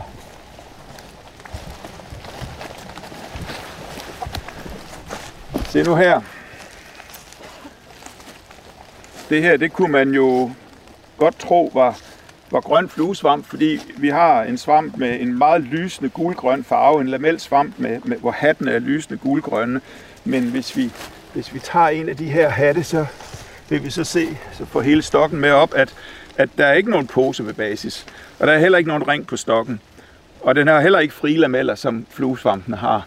Øh, så det her det er noget andet. Og det her det er en, en, en svamp, der hedder gulgrøn ridderhat, som er pænt sjælden. Og da jeg, da jeg startede øh, svamperiet i Aarhus tilbage i starten af 80'erne, der holdt vi en, øh, en svampeudstilling herover i, øh, i Østjylland for Svampeforeningen, hvor nogle af, af KF'erne fra hovedafdelingen fra Sjælland var taget over for at besøge os over. Og, og der kom der sådan to af de her ind, et eller andet sted fra, og de, de gik helt berserk. Altså, de, de, var, de var så begejstrede, og de skulle have at vide, hvor det var, den kom fra. Det var selvfølgelig ikke så let at opklare. Nej. Øh, så, så, så, her var altså noget, der var, der var helt specielt i forhold til, til Sjælland, at vi faldt den her guldgrønne ridderhat. Øh, og den står nogle steder herude. Ikke? Men det her, det er et af dens helt klassiske voksesteder. Lige præcis på den skråning her. Her har den stået i 40 år, og bliver sikkert ved med det, indtil de fælder skoven. Så det er en svamp, der laver mykorrhiza med de her bøgetræer, vi står iblandt. Den er meget flot, ikke? Det må man sige. Men er det, er det typisk for, øh, for øh, sådan nogle sådan et svampemycelie, hvis, hvis det er et mycelie, det her, øh, at, at de sådan er meget lokale? Eller hvad? Eller kunne vel man også kunne, øh, hvis man går 30 meter den vej, står den så også derovre, eller er det bare lige her? Ja, men det er nok ret meget lige her. Øhm, det, er jo, det er jo svært at vide, når man bare ser ud over terrænet, hvor svampen er henne nede i jorden. Rent faktisk så er man begyndt at kunne tage DNA ud af jorden og lære en hel masse der, og, og det viser jo så tit, at svampen er mange flere steder, end vi går og tror. Også de sjældne arter. Men i hvert fald er der et sted lige præcis her, hvor den her sjældne art har besluttet sig til, at her kan lave en masse frugtlæmer stort set hver år. Så, så det kan jo godt være, at den er derhenne, men den ikke kan lave frugtlæmer, fordi den ikke trives. Det, det er jo svært at vide, hvad det er, der er i spil. Men det er lige her, vi ser den, på den her skråning hver år. Så er der et sted derinde, og så er der et sted derhen. Ikke? Men, men, men øhm, ret sådan koncentreret. Mm. Og det er sikkert et sammenhængende mycelie, vi står midt i. Hvor, hvor bredt står frugtlæmerne her? Det er vel, det er vel en 5-6 meter. De står over. Der står et derop, og der står et dernede. Ikke? Så, så, så så noget i den stil. Så der er sådan en, en 5-6 meters plamage her med guldgrøn ridderhat. Ellers så er det jo svært at, at, at vide, hvor store svampeindivider er. Hvis, der skal man, det bedste, hvis man skal se lidt på det, det er at kigge på dem, der laver hekseringe. Fordi de laver, de laver sådan, nogle, sådan nogle ringstrukturer, der breder sig ud gennem landskabet. Og, og, og så længe hekseringen hænger nogenlunde sammen som en ring, jamen, så kan man se, ligesom, at det er det, det er det samme individ. Den er startet inde i midten som en klump, og så har den bredt sig ud, og så er den efterhånden død bort i midten, så den, den til sidst står tilbage som sådan en, en, en ring. Og det kan man se, når, ved nogle arter ude på græsland, der kan man se hekseringen i vegetationen, også selvom der ikke er frugtlæmer på. Og ellers så kan man måske finde de der, de der zoner af frugtlæmer. Og de store hekseringe, de kan blive 40-50 meter i diameter. Det, der, der taler vi blåvalgstørrelse. Mm. Øh, den kan man sidde og jage med Google Earth. Det har jeg hygget mig med på et tidspunkt og, og finde sådan nogen rundt om i landskabet. Øh, der er mange af dem, hvis man ser de rigtige steder, og, og, de, og de er gigantiske. Man kan se de der, som den der ring fra, ja. på et luftfoto. Ja. ja. Kan man det, let se. Fordi der er en art øh, øh, kæmpe traktriderhat, den laver sådan nogle meget voldsomme zoner i græsset også. Så selvom der ikke er frugtlæmer, så, så laver den sådan en død zone og en, en frodig zone i græsset. Det kan man simpelthen se, hvis, hvis øh, billederne er taget på det rigtige tidspunkt, hvor græsset ligesom vokser og viser de der ting. Mm. Så, kan man, så kan man se det, og man kan se, at de vokser en halv meter om året derudad. Og så regne tilbage, hvor gamle de er, og de er hurtigt 40-50 år, de der ringsystemer. Ja. Det er meget flot. Men, men med de svampe, der vokser her i skoven, der er det jo meget, meget vanskeligt at få en idé om, hvor, hvor store individerne egentlig er. Og nogle, kan, nogle svampe, altså der, der er svampe, der kan have 10 individer på en fyrnål, og, og, og hvor man kan se, at det er forskellige individer, fordi de ligesom laver sådan nogle afgrænsninger imod hinanden. Og så er der jo sådan en her på 5 meter, vi står i her, ikke? Så meget forskellige størrelser. den her, den synes jeg så faktisk ikke lugter af svamp. Nej, Men jeg ved ikke, hvad man, hvad man sådan Nej. skal, øh, skal sige, den øh, lugter af. nej, men her. det lærer man, når man, når man går på svampekursus. Den lugter melagtigt. Det her, det hedder melagtigt. Okay, Og, og, og det, jeg ved ikke rigtigt, hvordan det kobler til lugten af moderne mel. Det har jeg aldrig helt fattet. Men, men der er sådan et eller andet. Men det er altså det er simpelthen en, en, en, en meget karakteristisk lugt, man finder hos mange forskellige svampe, som hedder melagtig. Jamen, den er nemlig sådan ret Og, øhm, speciel. og og det er sådan en lugt, man kan bestemme svampe på. Altså, der er svampe, der lugter sådan, og der er nogen, der ikke lugter sådan. Ja. Især hvis man bryder kødet lidt, kommer lugten frem. Mhm.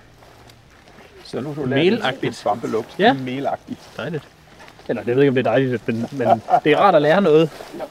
Det var det, der var dejligt. Jeg ved ikke, om melagtigt er en decideret dejlig lugt. Nå, det var meget sjovt. Øhm, her er for eksempel en, en slimet, øh, flot mælkehat, som hedder bleg mælkehat, som også har, har hvid mælkesaft, den, som den vi så på sidst. En rigtig slimethed, det er noget, man går op i, når man skal bestemme mælkehatte. Der er nogen, der er slimet, og nogen, der ikke er slimet. Og den her, den hører udpræget til den slimede gruppe. Ja, det kan man se. Den Ja. driver nærmest af den. Og der er, du Ja. ja. står på en anden mælkehat her. Øhm, Okay. og, og, og, øhm, og hvis vi nu, den har lidt mælk, så se om den har lidt mælk, der vil, der vil frem til os Den her. ser også lidt klistret ud, den der. Ja, men prøv at smage på den. Det er garanteret farligt. Du kan bare bide lidt i en lamel. Med chili.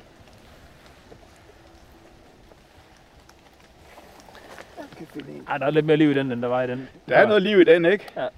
Den er, den er skarp. Ja, den er faktisk sådan relativt skarp. Den er faktisk sådan relativt skarp. Og helt enormt. Altså, det er sådan, når man rører ved hatoverfladen her, så er det jo sådan helt... Det er jo decideret, altså det er jo store klumper af slim, der sidder her. Ja. Adder, badder. Dråbeplettet mælkehat. Sådan en rigtig bøgeskovsting. Ja. Ja. Og, og, og, og smagen, du smager, er egentlig ikke en smag, det er en smerte. Og det er sikkert lige sådan med chili. Du kan smage det med øjet også, hvis du, Ja. ja. hvis du for eksempel putter det i øjet. Ja. Øh, så sviger det. Ja, det er ikke gået væk endnu.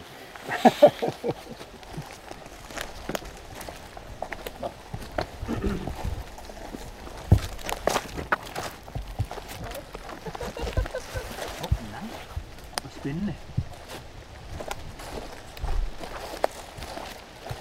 Tror ja. jeg. Så går der alligevel spisesvamp den. Jeg var faktisk lidt til gryderne. Det er godt nok længe siden, jeg har fundet dem. Det er vel den, der hedder trompet svamp, eller hat, eller Det er nemlig den, der hedder trompetsvamp. trompetsvamp. Og hvad sagde jeg? Det var et hotspot her. Ja. Trompetsvamp, det er sådan en, ja, den er trompetsformet. Den er, det er sådan en, en dyb trakt med en, en, en, en rand, der ligesom ruller lidt rundt. Øhm, og sådan sort, eller meget mørkt brun og, og, og grå på ydersiden, sort ned mod basis. Den er hul hele vejen ned igennem. Øh, hvis man flækker den igennem her, så, så kan man se. Og øhm, øh, på den måde er den, den, den er enormt karakteristisk. Altså, der er ikke rigtig andre svampe, der ser ud på den måde, i hvert fald ikke i Danmark. Øhm, og derfor så, så er den så meget let at kende. Og så det kombineret med, at det er en af vores mest fremragende spisesvampe. Øh, det er jo herligt. Og den kan man finde i meget store flokke i øh, bøgeskov, hvis man er heldig. Øh, den er svær at få øje på, og det var godt set, jeg var gået over dem. Den ligner Jeg- jo faktisk til forveksling de der bog, der ligger her fra så bøge, Ja. træernes frugter. De har samme farve. Den er jo så mørk og, ja. og svær at få øje på. Mm. Så hvis man, hvis man skal spise dem, så skal man lige flække dem ned igennem. Der sidder i reglen en bænkebider eller en tårnsnegl nede i bunden, man lige skal have væk. Øhm. Men en super god spisesvamp, og i øvrigt også vældig god til at konservere ved at tørre, fordi den er så tyndkødet, så den tørrer meget let, men samtidig så er der enormt meget smag i kødet. Så det er jo sjovt. Ja, det er fint. Og jeg vil lige foreslå, at vi går et lille stykke hen langs bækken her, fordi der står et meget stort egetræ derhenne. Og det kender jeg fra gammel tid, for samtidig at kunne have sjove svampe. Prøv at se, om vi kan lade være med at skvatte i vandet. Du kan godt se, det er, det er en meget imponerende e, ikke? Den, der står derude. Den er sådan en, en, en klasse større end de andre e, der står her. Den er vel en meter i diameter stammen, mindst. Så her er vi en af de, en af de store ege. En af skovens kæmper. Ja, og den står, den står lige nede i kanten af en lille bæk her. En lille rislende bæk med sten og, og grønt mos. Men er der svampe? Det er jo så lige det. Kigge, kigge.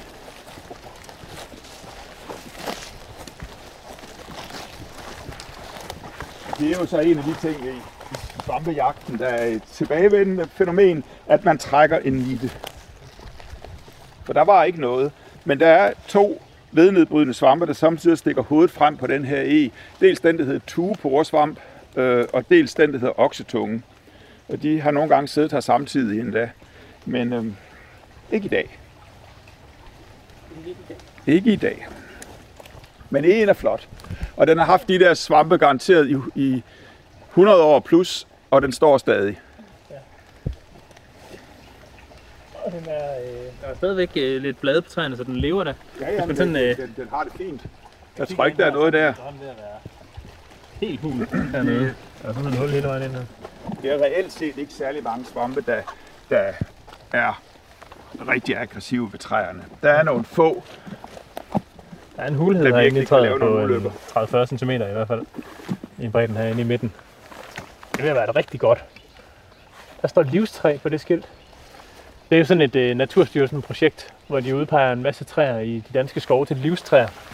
Og når den har fået sådan et skilt, så betyder det, at den får lov til at blive stående til evig tid. Det er jo godt. Det er rigtig godt. Der er altså sket noget med, med forvaltning, forvaltningen af skovene over de senere år i en virkelig positiv retning. Det skal vi bare lære at lade noget ved generelt ligge her. Men det, det her stykke skov, vi står i her, det er jo også godt på det, på det punkt, vi kan se liggende stammer hele vejen rundt om os. Øh, så hvis det breder sig ud i skovene generelt, at de får lov til at se sådan ud, så får biodiversiteten det altså langt bedre i det her land. Ja, så tror jeg ikke, vi vil øh, sumpe højere op her, fordi det bliver vist relativt ufremkommeligt. Så lad os gå tilbage og så op ad den sti, vi kom ned af.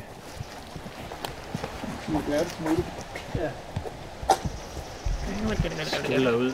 Den skælder ud. Den er på en måde lidt, lidt af en af mine favoritfugle, gærtesmutten.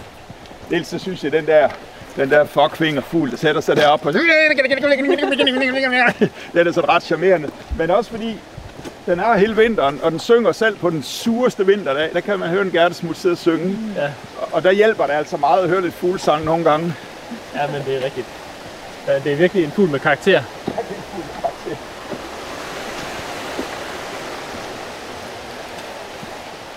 Og det er her, man står og kigger efter vandstager. De, øh, de kommer i hvert fald tit herop. Ja.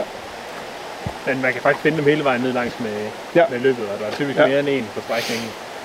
Derovre på den anden side kan jeg huske, at jeg så dem fint i tidens morgen også et stykke Ja. op der igennem den skov. Og bjergløbstjer, der har typisk også om vinteren faktisk. Ja.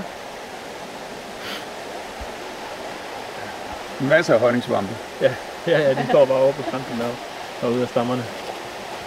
Så vi kunne ikke klage over, om der var svampe. Der var svampe. Ja, det må man sige. Det har været virkelig... Det har været spændende. Men her på falderevet, Jens, så tænker jeg nu, at når folk er færdige med at høre det her svampeprogram, så øh, får alle forhåbentlig lyst til at springe ud i skoven og kigge på diversiteten. Ja. Hvordan, øh, hvad er det bedste råd sådan, ligesom, til at komme i gang med at kigge på svampe, hvis vi lige skal give det med til lytterne? Puh. Men altså det allerbedste råd, det er at finde nogen, der ved noget svampe at gå ud sammen med. Fordi Ja. det, det er jo ikke... Problemet med svampe er, at vi, vi, vi er ikke primet med en grundviden om svampe. Ved det nu blomster, man fandt på, man ville ud se, så har vi alligevel sådan lidt med fra barndommen måske, om smørblomster og anemoner. Og, altså, der er sådan lidt at bygge på, og måske ved man da lidt om, hvordan blomster er indrettet og sådan noget. Men for svampes vedkommende, der er de fleste mennesker fuldstændig blanke, når de starter. Og så hjælper det enormt meget at have nogen med, der kan, der kan vejlede en lidt. Så der er jo kurser og svampeforeninger og ting og sager. Ting og sager på Facebook også, men jeg ved ikke, hvor konstruktivt det altid er. Men, men det er der i hvert fald også. Vi har også en, øh, vi har også en app, der hedder Svampe Atlas, som, øh, hvor, hvor, hvor vi har lavet sådan en AI, der faktisk kan fortælle, give et bud på, hvilken svamp man står med. Men man må endelig ikke stole på de der ting, og der kommer så det andet ben. Man skal altid have sig en eller flere gode svampebøger, man kan slå op i, så man kan læse i ro og mag over de her svampe, over forvekslingsmulighederne og alt det der halløj. Så øh, elektroniske ting er fine, men bøger er altså lidt et must. Er man kun på internettet, så skal det lige lov for, at man kan finde fejlinformation også. Og alene derfor, så er normalt lidt mere styr på, hvad forfattere eller forlag udgiver. Altså, de, de værste fejl og misforståelser, de bliver i regel luet ud. Det gør de altså ikke på, på nettet. Det er helt imponerende, hvad man kan finde. Og det, det, er, det er velrenoverede øh, øh, foreninger og, og institutioner, som Skov- og Naturstyrelsen og øh, DN, og sådan nogen, der kan lægge det reneste vås på nettet nogle gange om svampe. Øhm, spørg mig ikke hvorfor. De ved jo et eller andet sted godt, at det er vigtigt, at man laver præcis information med noget, hvor folk vil gå ud og finde det til spisebrug. Men ikke desto mindre, så er det ligesom altid fyldt med vås. Svampbøgerne er bedre. Der er lavere våsniveau. Mere information, er, er rigtig. Så, men ellers så er det jo det, vi snakkede om der, dernede, altså gå ud i naturen og give dig god tid. Øhm, på nogle måder er det måske lettere at starte øh, ind i nogle midtjyske nåleskove, end det er at starte herude i Moskov skovene, fordi der er en enorm høj diversitet herude, og hvis man gerne bare vil nyde svampene, så er det et super sted. Men hvis man går efter at finde spisesvampe, så kan det måske nok være lettere at gå ud på de, på de lidt mere nåleskovsprægede og sandede jorder og starte. Der, der er det nok lidt mere overskueligt, hvad der foregår. Det er hermed givet videre. Og med det, Jens, så øh, vil vi bare have lov at sige tak for et par rigtig spændende timer her i skoven. Det har virkelig været en fornøjelse. Men selv tak. Det er jo altid hyggeligt at komme ud og snakke om svampe. Ja. Så det er det, vi er her for. Du lytter til Radio 4. Det, vi skal snakke om nu, det er, øh, hvad er det for noget mærkeligt noget med det der svamperige? Og øh, i den forbindelse, øh, i den forbindelse ringer naturtelefonen. Øjeblik. Undskyld forstyrrelsen. Hallo, det er Rasmus øh, her fra Vildsborg. Hvem taler jeg med? Du taler om bæveren? Med bæveren, velkommen. Øh, vi, har haft, vi har haft dig igennem en gang tidligere, synes jeg, jeg kan huske. Ja, men der er ikke nogen... Altså, det der lyd, det havde jo foregået fuldstændig, og så mine venner de troede slet ikke på, det var mig. Dine venner troede ikke på, at det var dig? Mm-mm. Og det er jeg ked af at høre. Øh, Ja. Jamen, jeg, vi lover at gøre os umage med lyden den her gang. Det er jeg glad ved. Ja. Men så skal du sige noget. Nå, men jeg havde egentlig tænkt, at jeg skulle starte med at synge for jer. Synge? Ja. Ja, fordi jeg har et budskab. Okay, et budskab. Værsgo. Ja. Er I klar? Ja. Øh, det var fordi... All I need is plads. Du, du, du, du, du. All I need is plads. Plads. All I need is plads. Uh, uh, du har simpelthen brug for plads. Uh, eller var det plask? Ej, det en mest plads. Plads, ja. Plask, det klarer jeg selv. Ja, den er god. Øh, Og uh, hvor vil du gerne have plads henne? Øh, for eksempel i Årdalen og sådan noget. Altså i virkeligheden så rydder jeg jo bare op på alt det lort, I har lavet. Altså jeg genslynger åerne, som I har fucket op og rettet lige ud. Jeg hæver bundkosen, som I har gravet mega dybt. Jeg har forvandlet tilbage i landskabet. Det har I fuldstændig ødelagt med alle de oversvømmelser selvfølgelig, som nu kommer nedstrøms alt det, I har gravet op og rettet ud og gjort videre. Ja. Og så lysåbner jeg ådalene, og hvad er takken? Bøvl og ballade hele vejen igennem. Og i virkeligheden gør jeg jo bare sådan så, at, øh, at mine venner og jeg, vi får, øh, vi får meget mere, altså hvis der er plads til os, så får vi, øh, kan vi gøre det meget bedre. Så laver vi plads til en masse andre lækre dyr og planter. Det er jo ikke kun os selv, vi tænker på, vel? Det er jo ligesom, øh, det er jo ligesom altså alle de andre. Ja, det, det er i hvert fald, det har jo en virkning, det er rigtigt nok. Ja. Ja. Jo, ja. men... Øh, Altså i virkeligheden er vi jo sådan set det eneste rigtig, rigtige rewilding-projekt her i Danmark. Altså hvis jeg sådan i al diskrethed skal sige det. Altså vi får jo lov til at nyde livet og klare os selv, og ikke ligesom alle de gør men, ponyer, som bare bliver pillet ud, hvis de sulter lidt. Eller, ja, jo, jo, jo men, men så er der vel heller ikke noget at klage over. Øh, I er vel ganske vældige, øh, og, og vi har vel budt jer velkommen og givet jer noget plads, eller hvordan? Ja, ja.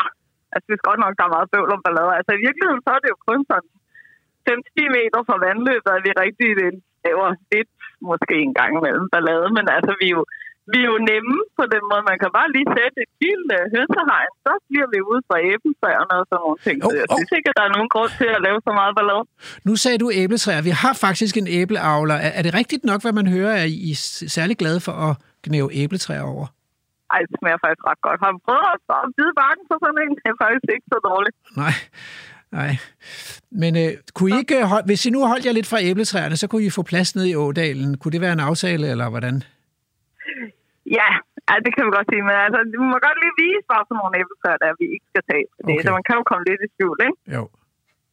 Så Ja. ja. hvis nu I ikke vil have det hele, lidt til og meget mere, og så er der også plads til os og alle de andre dyr. Ja, det er meget smukt, øh, frøken Bæver. Øh, men, øh, eller frue, undskyld, hvis det er det. Hvis det er der, vi Ja. er. Jeg synes bare, det er ikke så dumt. Nej. Vi er ikke så religiøse med os. Nej, men øh, så hvis jeg, jeg lader det gå videre til lytterne af programmet her, at øh, bæverne vil gerne bede om mere plads og en klar markering af, hvilke træer de ikke må fælde, gerne med lidt hønsetråd. Præcis. Jamen, så er vi nået en fælles forståelse. Det tror jeg godt kan blive lykkeligt. Tak. Og også for alle de andre. Nå, Jens, øh, efter du stoppede på universitetet, så har du også skrevet noget, der egentlig ligner en lærebog i svampe. Øh, den hedder Svamperiget, eller den engelske udgave, jeg står med her, The Kingdom of Fungi. Og øh, Ja, den hedder faktisk I svampenes rige. For Svamperiget er en anden bog. ja, det er rigtigt nok. Det var, den kom før. Ja, Og den var, sådan skrevet noget- specifikt til undervisningsbog, ja. ikke? Fordi øh, det, det er jo ikke en tør undervisningsbog, den her. Der er vildt mange smukke fotos, øh, både på forsiden, men også inde i... Øh, utrolig mange smukke fotos inde i den her bog. Den kan jeg varmt anbefale, altså, og den er jo så oversat til flere andre sprog, og Ja. sendt ud i verden, og Ja. har egentlig solgt meget godt, har den ikke det? Jo, den, den engelske version er stadig i live og er blevet genoptrykt, og ja. det er den danske også. Ja. Så bare fordi man stopper med at undervise på universitetet, så behøver man ikke, altså så kan man faktisk godt fortsætte på en måde, fordi det, altså, Jo, men jeg skrev en lærebog, i svamp, eller, der hed Svamperiget, mens jeg var på universitetet, for at, at, at få en bedre, et bedre udgangspunkt for undervisningen. Ja. Og, og, og nogle af mine, mine venner, de, de sagde i spøg, at de brugte den som læsning, når de skulle i seng, for de sov så dejligt meget hurtigt.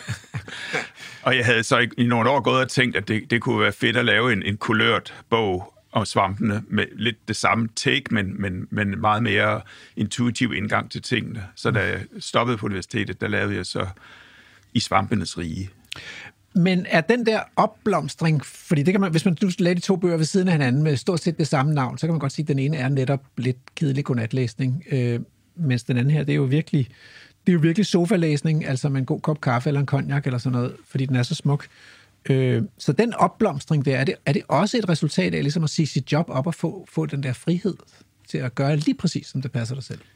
Ja, det er klart. Øh, der var, jeg, jeg tror, jeg havde en ophobning af, af, af behov for at lave noget, der var mere udadvendt og, og mere æstetisk og, og, og mere smukt, Ja. end, end rammen på universitetet ligesom tillader, fordi der er det jo en, en mere eksakt viden, der hele tiden skal, skal sendes over disken.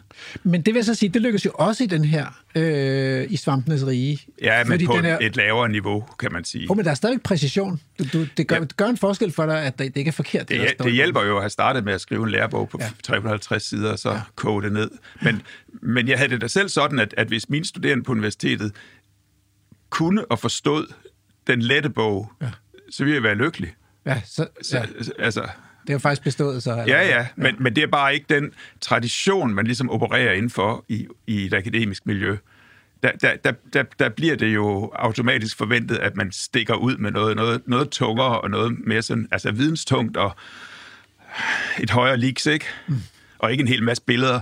Men i virkeligheden, øh, problemet, når man prøver på at undervise i svampe, er, at dem, man underviser, har absolut ikke noget grundlag for at se og forstå svampen overhovedet. Mm. Når man skal starte med at lære noget om planter, så har de fleste noget med i bagagen. Man kender dog en anemone og en, en tulipan og mm. måske endda et bøgetræ. Men med svampene, der er der sådan en helt ren tavle, og det vil sige, at den der intuitive grundfornemmelse af, hvad det er, man har med at gøre, den, den, den skal man egentlig først skabe, før man kan begynde at putte fakta ind i folk. Øh, Så man har brug for, for billeder og virkelighed i meget høj grad, når man, når man skal lære folk noget om svampe. Da jeg startede med at læse på universitetet, der læste jeg jo svampe, kan man sige, svampefag på Institut for Sporeplanter. Øh, det, det har du jo også øh, fucket op, fordi du, du, vil jo ikke, du nægter jo at kalde, kalde det for svampeflora eller for sporeplanter, mm-hmm. men har jo simpelthen fundet på, er det dig, der har fundet på at kalde det for funga? Ah, det var, det, det var, fungaen var vi nok flere om. Altså, det, det var en parallel til flora og fauna, så har vi fungaen. Det er så mening. sådan svampene derude. Ikke? Og det, det er jo noget, der bygger på, at, at svampene ikke er en form for lavere planter, som, som der står i al litteratur op til en gang i 80'erne. Mm. Svampene er har deres eget rige, svamperige, helt parallelt med dyreriget og planteriget. Mm. Øhm, og, og svamperiget er nærmest beslægtet med dyreriget, ikke med planteriget. Mm. Planteriget er en meget ældre ting, men på et tidspunkt for over 500 millioner år siden, der splittede svampe og dyr ud i to forskellige grene, mm. og, og, og, og dannede hver deres store rige organismer. Det der svamperige, det har det jo så ikke så godt længere på de danske universiteter. Altså, øh, det, det kan man vel godt sige. Ikke? Det, var- det var Institut for Sporeplanter var en stor ting, nu, nu er, er det der ikke længere. Og der er ikke mange sådan, hvad kan man sige, svampeeksperter, øh, i hvert fald ikke i storsvampe, på hverken Københavns Universitet eller, eller Aarhus Universitet i dag. Nej, det er der ikke. Så Ja, hvad skal vi stille op med, at et helt rige ligesom forsvinder ud af universitetsverdenen på den måde, altså lige så stille? Ja, det må du jo spørge universitetsverdenen om. Øh, Ja, det er jo med ved, vemod, at man ligesom slipper det, og ved, at, at, at der vil være en masse kurser, der forsvinder, og en masse muligheder, der forsvinder for de, for de studerende. Men øh, på den anden side, så har vi jo så fået den her besønderlige digitale tidsalder, hvor man kan dele utrolige mængder af viden over nettet på forskellige måder, og man kan lave de her forskellige bøger, vi går og laver, og, og, og, og, og der, der er jo bedre muligheder end nogensinde for at få viden om svampene på alle mulige niveauer. Mm. Øh, uanset at den der mere akademiske øh, tradition, den lider rundt om i Europa. Det er ikke mm. kun Danmark, det er faktisk hele Europa. Mm. Og så må jeg også lige nævne, at du sammen med Thomas Læsø har udgivet et øh, kæmpe værk. Øh, ah, det, det bliver, bliver vist også nævnt, øh, men altså Nord, Nordeuropas svampe. Er Ja, det sådan, det ja. ja. I bind 1 og 2, altså en, en ordentlig mursten. 1717 sider. Ja. Som jo har introduceret blandt andet en helt ny form for nøgler, og ikke de her dikotome nøgler, som er i den gamle svampebog, men sådan nogle øh, mere intuitive, øh, synoptiske nøgler, hvor man kigger på flere ting ad gangen, og hvor man har mulighed for at sammenligne de her forskellige svampe. Øhm, øh, det, det er jo en fantastisk nyskabelse. Men, men hvordan skal det gå med den der øh, skønhed? Fordi det, jeg synes jo, udover at du tog svampene med ud fra Aarhus Universitet i et eller andet omfang, så tog du også skønheden med ud, og den blomstrede så op hos dig derude i Tirstrup i Plantation og, og i dine fotografier og i dine bøger. Men øh, burde den ikke også have en plads på universitetet? Altså, fordi det synes jeg var noget af det, jeg savnede på, på universitetet, æstetikken og opdagelsen. Og, øh, og det bekymrer mig også lidt, at det er jo der, biodiversiteten befinder sig. Det er jo i, i det der med det skønne. Ja, men det kan du have ret i. Men øhm, der, der, der er jo ikke formuleret en, en naturlig plads for skønheden på naturvidenskab, så vidt jeg kan se. Nej. Det er jo ikke, altså, de, de, de, de ting, folk, folk bliver målt og vejet på, det er jo meget hardcore videnskab, som ofte er meget vanskeligt tilgængeligt og ja, nærmest sort for udenforstående.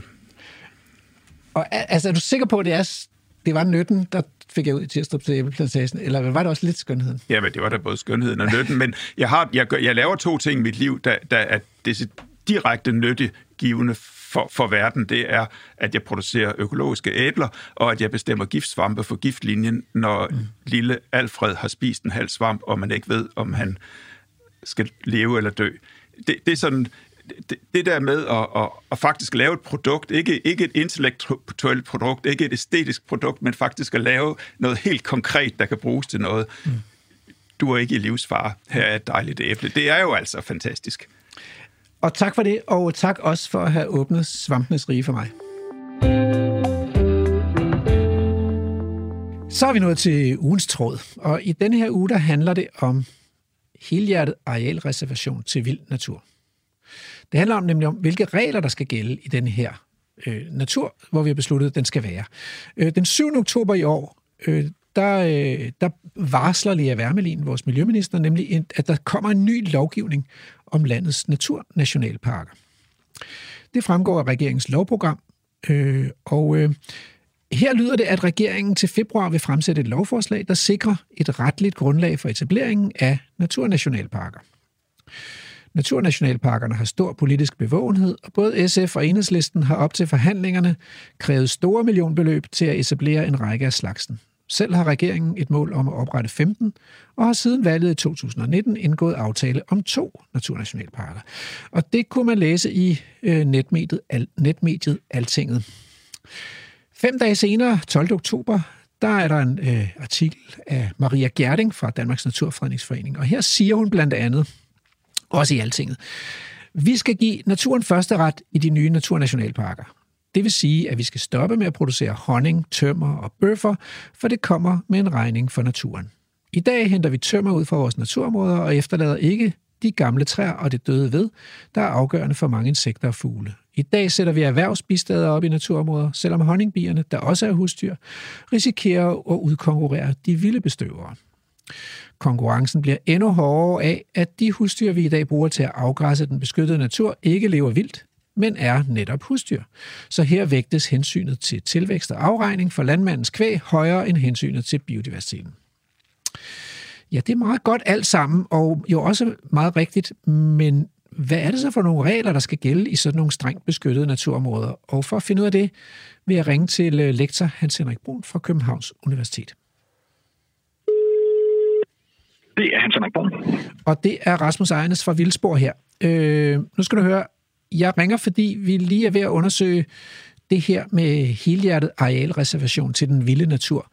Øh, fordi nu siger ministeren, at det vil hun komme med et udspil om, lovudspil, og, øh, og det bliver bakket op af Danmarks Naturfredningsforening, Maria Gerding. Og nu vil jeg, øh, synes jeg, det kunne være interessant, øh, også for lytterne, øh, at høre, hvad bør spillereglerne egentlig være, øh, før man kan tale om, at et naturområde er effektivt beskyttet af loven? Jamen, øh, det kan vel sammenfattes i øh, et ord næsten, og det er øh, ikke indblanding. At vi mennesker, vi holder nallerne væk og, øh, og lader naturen udfolde sig på sin egen præmisse. Er det også sådan noget, man kalder urørt natur, eller urørt skov, eller sådan noget? Er det, er det, er det derfor, man bruger det ord? Ikke ja, det, det tror jeg har været en inspirationskilde, bortset fra det med urørt skov. Ja, det, det er en lang historie, men, men det var også fordi, at ligesom alle de andre oplagte kandidater til, til betegnelse var til Okay, altså, men betyder det så, at vi ikke må komme i naturen? Naturligvis ikke. Så som udgangspunkt, så er der ikke nogen, skal der ikke være nogen begrænsning på offentlighedens adgang til fods og på ski og på cykel og hesteryg og alt muligt andet. Øh, og kun rent undtagelsesvis kan der være områder, ligesom der er i dag med fuglereservater, hvor der ikke er adgang i ynglesæsonen osv., så vil der være områder, hvor, man, hvor der kan være begrænsninger på adgangen øh, hele eller dele af året. Ikke? Men det vil være undtagelsen. Men hvad er det så, vi ikke må blande os i? Altså, hvornår er det forkert, det vi gør? Jamen, det er alle de ting, som har med vores kultivering og vores øh, udnyttelse af naturgrundlaget at gøre, som vi skal afstå fra at gøre i områder, hvor vi siger, at her har naturen første prioritet. Det er alle dyrkningstiltag, som især dræning, gøskning, sprøjtning, plantning og såning af, afgrøder og træer i skovene, og selvfølgelig vores regulering af de store pattedyr, som vel var det tidligste, vi manipulerede med, så fordi det skete jo sådan set allerede en gang, mens vi stadigvæk var vildmennesker øh, under sidste istid og boede et eller andet sted nede i Syd- og Mellem-Europa. Hmm. Okay, øh, men, men, øh, men skal der også være krav eller regler om, at man så øh, genopretter en mere naturlig tilstand? Fordi hvis vi allerede har drænet og, og fjernet dyrene, og, eller, eller gødsket jordene, eller skal, skal man så ikke gøre noget? Kan man bare sætte naturen fri? Det kan man godt, men det, det fører sig til meget, meget lidt intakte økosystemer, som ikke, ikke nødvendigvis er selvfungerende, eller faktisk meget sjældent vil være det. Så det er klart, at en indfasning, hvor vi modvirker de der kulturindgreb, eller effekten af de der kulturindgreb, som har været i, som har, vi har gennemført i gennem århundreder eller årtusinder, at det er helt afgørende for, at vi får nogle selvkørende økosystemer, nogen, der kan, som, som kan fungere uden indblanding fra vores side. Og det indebærer for eksempel, at vi skal man forestille sig at indføre nogle, nogle store pattedyr, som jeg nævnte før, var, var, var det noget af det, vi manipulerede med først og mest efter. Men prøv at høre, øh, det lyder helt utroligt banalt, det du siger, at så vild natur, det er et sted, hvor vi ikke dyrker naturen, hvor vi ikke blander os, og hvor vi ikke fjerner noget, og så videre, øh, og hvor vi giver naturen gode vilkår for at folde sig ud. Øh, hvorfor, er vi ikke, altså, hvorfor skal vi til at lovgive om det nu i 2000 og 20? Det, altså. det er jo fordi, øh, ja, det er meget sjovt, du spørger om det, men det er jo fordi, hvis man kigger på den naturbeskyttelse, som vi har gennemført øh, i mere end 100 år, så har den jo ikke dæmmet op, og den har ikke beskyttet naturen effektivt mod de trusler, de reelle trusler. Man har øh, identificeret nogle trusler, som måske også var vigtige, og så har man beskyttet mod dem, men det er jo blevet halvhjertet, fordi man har tilladt de store trusler at fortsætte inde i de her beskyttede arealer. Alle dyrkningstiltagene, øh, reguleringen af pattedyrene, udsæd af øh, udplantning af, af skovtræer osv., har man tilladt bare kunne fortsætte, og dræning osv. Alt, alt det, som som er godt for vækst og produktion og udnyttelse af naturgrundlaget. Det er man sådan set til at kunne fortsætte uhindret i de her beskyttede områder. Så det har været en meget, meget halvhjertet beskyttelse. Og hvis vi skal til at beskytte helhjertet, så skal der simpelthen andre boller på tuben. Så vi, øh, det vi kan håbe på nu, det er, at øh, Lea Wermelin vil tage initiativ til, at vi rykker fra halvhjertet naturbeskyttelse til helhjertet naturbeskyttelse. Er det korrekt forstået? Ja, Jamen, øh, så synes jeg bare, at vi skal øh, kippe med flaget og håbe på, at det kommer til at ske. Jeg tror, at hun har bebudet, at det bliver til februar. Tak skal du have. Se, øh, der er jo noget på vej om naturbeskyttelse i Danmark, men der er faktisk også noget på vej fra EU. Øh, så vi udover at være nationalstaten staten Danmark, så er vi jo også medlemmer af EU, og der går man også og sysler med det her naturbeskyttelse og overvejer, om vi måske, øh, om naturen måske alligevel mangler noget plads også på europæisk niveau. Og det ved øh, professor Carsten Rabeck noget om, så det synes jeg lige, vi skal ringe og høre, hvad det er for noget. Ja, det er Carsten Rabeck. Det er Rasmus Ejernes her fra Vildspor og tak fordi jeg må forstyrre dig i din, øh, øh, midt i din efterårsferie her. Øh, men jeg ringer, ja. fordi vi beskæftiger os lidt her i ugens tråd med naturbeskyttelse og effektiv naturbeskyttelse. Og nu har vi talt lidt om, øh, hvad der skal til, før vi kan få mere effektiv naturbeskyttelse i Danmark. Men der er jo også noget på vej fra EU, fordi der også er en international erkendelse af, at naturen mangler plads. Og det vil jeg spørge dig, hvad er det egentlig, der er på vej fra EU? Hvad er det for nogle tanker, man gør sig dernede? Ja, vi havde oprindeligt en international aftale, der sagde, at 17 procent af landet øh, og 10 procent af vandarealet skulle afsættes til naturen. EU-kommissionen er nu kommet med en ny strategi, der siger 30 procent af landarealet og 30 procent af vandarealet, hvor de 10 procent skal være øh, hård beskyttelse. Og det vil for eksempel sige, at vi skal til at afsætte øh, vandareal, hvor vi ikke kan, øh, kan trålfiske, for eksempel. Og det er lidt en udfordring for Danmark, øh, da Danmark er det mest øh, gennemtrålede øh, land i verden, og vi ligger også bag os med hensyn til at beskytte den øh, naturen på land. Så, så vi får nogle store udfordringer i forhold til en meget ambitiøs biodiversitetsstrategi fra EU. Og den næste ting, der ligger i det, det er, at de ligger op til, at det skal være juridisk bindende mål. Så nu er det ikke noget, vi leger eller bare snakker om. Og, og, men jeg synes, jeg kan huske, at, øh, at Miljøministeren faktisk har sagt, at det synes hun er en mægtig god idé, øh, bare det ikke gælder på national plan, men på europæisk plan. Så mm, det lyder som om, man tænker sig, at Danmark kan slippe lidt billigere. Jamen, det er korrekt, at øh, målet er for EU som sådan Jeg har også hørt, at Danmark gerne vil være et førerland, og der kan man sige, at der er to ting til det. Man kan næppe øh, føre og vise lederskab øh, fra siddende bagerst i bussen. Og den anden ting, det er, at hvis Danmark ikke bidrager, så skal de andre lande bidrage endnu mere. Så der er ingen tvivl om, og det siger EU-kommissionen også, at hver land skal bidrage rimeligt. Så der ligger en politisk diskussion i det her, og der er ingen tvivl om, at Danmark skal til at bidrage væsentligt mere, end det vi hidtil har gjort, hvor vi har mindre end 1% eller omkring 1%, der er hårdt beskyttet. Så altså, øh, hvad skal der egentlig til? Altså, hvis du nu var statsminister, eller skulle give statsministeren et, et godt råd, øh, nu kan hun jo selvfølgelig håbe på, at hun slipper ud af det her, før, før, før, før ja. hammeren falder, ikke? Men, øh, men hvad skulle de danske politikere gå i gang med allerede nu, hvis, hvis, øh, hvis man skulle forblive den Jamen, sådan det en første, det er, at vi skal, hvis, hvis man vil nå nogle af de her mål, så skal vi flytte os fra, øh, fra det, vi gør i øjeblikket, hvor vi ikke tager det seriøst. Vi leger med regneark. Mm. Vi har lige indrapporteret beskyttet natur, som består af golfbaner og afgrødemarker. Mm. Det skal vi holde op med. Mm. Og så skal vi have en ordentlig kortlægning, og så skal man øh, i Natur 2000-områder og, og for eksempel nationalparker, der skal man give naturen øh, først prioritet. Så Ja. vi skal begynde at tage det seriøst. Lige i øjeblikket, der er det noget, vi leger. Hørt. Øh, og der er også et økonomisk aspekt af det her, ikke? fordi der er jo nogle offeromkostninger, hvis man skal holde op med at producere bøffer eller tømmer eller sådan noget. Ikke nogen, nogen vil kræve erstatning. Jo, jo der er nogle, øh, nogle, øh, nogle omkostninger omkring det, men øh, som EU også øh, har gjort, øh, det er, at de har kigget på f.eks. Natur 2000 og nationalparker, og cirka en fjerdedel af den europæiske turistindtægt kommer fra natur og naturoplevelser. Og det kender vi også fra Danmark med, med Skærnå, øh, som giver nogle indtægter. Så altså, der er nogle, nogle indtægter ved at have natur, og de fleste befolkninger og folk vil gerne betale på naturoplevelser og være ude i naturen. Det har vi også set under corona her. Så det er ikke kun omkostninger, der er også nogle positive ting. Og så endelig kan man tilføje det aspekt, at, at hvad betyder det at have natur i Danmark? Ja, vi kunne godt asfaltere det hele, men det vil være ualmindeligt kedeligt land Ja. at, at leve i. Så der er jo mange samfundsmæssige ting, vi giver, vi giver penge til, og det er naturen også en af dem, der skal have, hvis vi vil noget med den. Så det du siger i virkeligheden, det er, at hvis samfundet investerer i det her, så kan det ende med at blive en god forretning.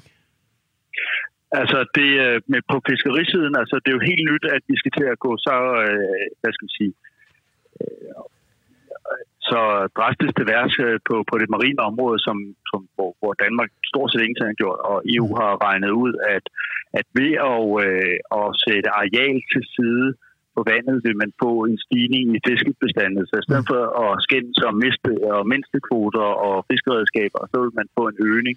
Og den øgning, den, øh, den svarer til, hvis man gjorde det igennem hele fiskeområdet, til 40 milliarder euro om året. Så der er også nogle penge at, at tjene på nogle af de ressourcer, vi, vi hiver ud af. Tak. Vi når desværre ikke mere, men øh, jeg, jeg synes, det er lidt lovende. Øh, og tak, fordi du vil øh, gøre os klogere på, hvad der sker internationalt. Nå, øh, programmet lakker mod enden. Vi skal til at slutte. Men jeg, Ja. jeg, jeg, er bare, øh, jeg er lidt harm over, at du affejede øh, min zombie-fascination øh, så Nå. hårdt i start. Nej, men der er bare noget, jeg gerne lige vil læse op, så Ja. måske... Jamen, det, det, var, det er okay. Ja, men her er lidt øh, info om den... Du har styr på tiden, ikke? Jo, jeg har styr på tiden. Lad mig nu lige. Øh, her er lidt info om, om den her øh, virus eller svamp, som overtager menneskerne. Mm-hmm. For humans that have been exposed to a mutated strain of, og så et langt øh, latinord, jeg ikke lige kan udtale, the fungus attacks the brain and begins to alter the behavior of its host. The host will then go through four different stages of infection. Og senere, spore development is the last stage in the life cycle of the infected. This lifeless carcass serves as a breeding ground for the fungus to spread throughout the environment. Men Synes du ikke bare, det lyder en lille smule spændende? Jo, og også relativt uhyggeligt i disse ja. coronatider, ikke? Jo. Øh, og jeg, har jo set, øh, det kan man faktisk se i den her tid, øh, at der nogle gange sidder sådan en flue, som ligesom er, ligesom er frosset fast på et vindue. Mm. Øh, og så sidder den med hævet bagkrop. Og det er en flue, der er blevet angrebet af flueskimmel. Øh, og den sidder med hævet bagkrop, for at der er andre fluer, der kan flyve hen og parre sig med den, så når de kan blive inficeret af den samme flueskimmel. Ikke? Den det... er Det- stendød. Det er jo sådan en slags. Det er for vildt. Ja. Jeg er, altså, og det er derfor, at, at jeg ligesom er blevet, øh, og jeg er jo ikke sådan helt nede i svamperiget endnu overhovedet. Nu er jeg gået i gang med at læse Jensens bog, men jeg, bliver, jeg er vildt fascineret af det der. Alt det her zombie halløj og Jamen, det er, jeg synes, det er så vildt. Det er, men altså, det, så må det ligesom være min opgave. Det er, nej, jeg tænker, min opgave at, at, at, ligesom få dig introduceret til zombie-verden. Fordi Ja. ja. der, er jo noget, der er jo noget overlap der, ikke? Det lyder sådan. Ja, Ja, det er en, det er en, en skjult underverden. Lige præcis. Ja, Nå, vi er faktisk nået til vejs ende. det er vi. Vi skal til at slutte, og så vil jeg gerne sige tak til Vildspors undergrundsagenter, producerne Emma Holtet, som øh, trodsede de vildeste bakker i Moskov i de øh, mindste sko, og øh, Andrew Davidson. Og husk, at der er Vildspor på næste lørdag igen, hvor vi planlægger at rykke oven på jordoverfladen. Øh, og nu er det tid til ugens haiku. Underjordiske danser rundt i heksering. Vupti frem, puff væk. Programmet er produceret af Folkeuniversitetet og Aarhus Universitetsforlag for Radio 4.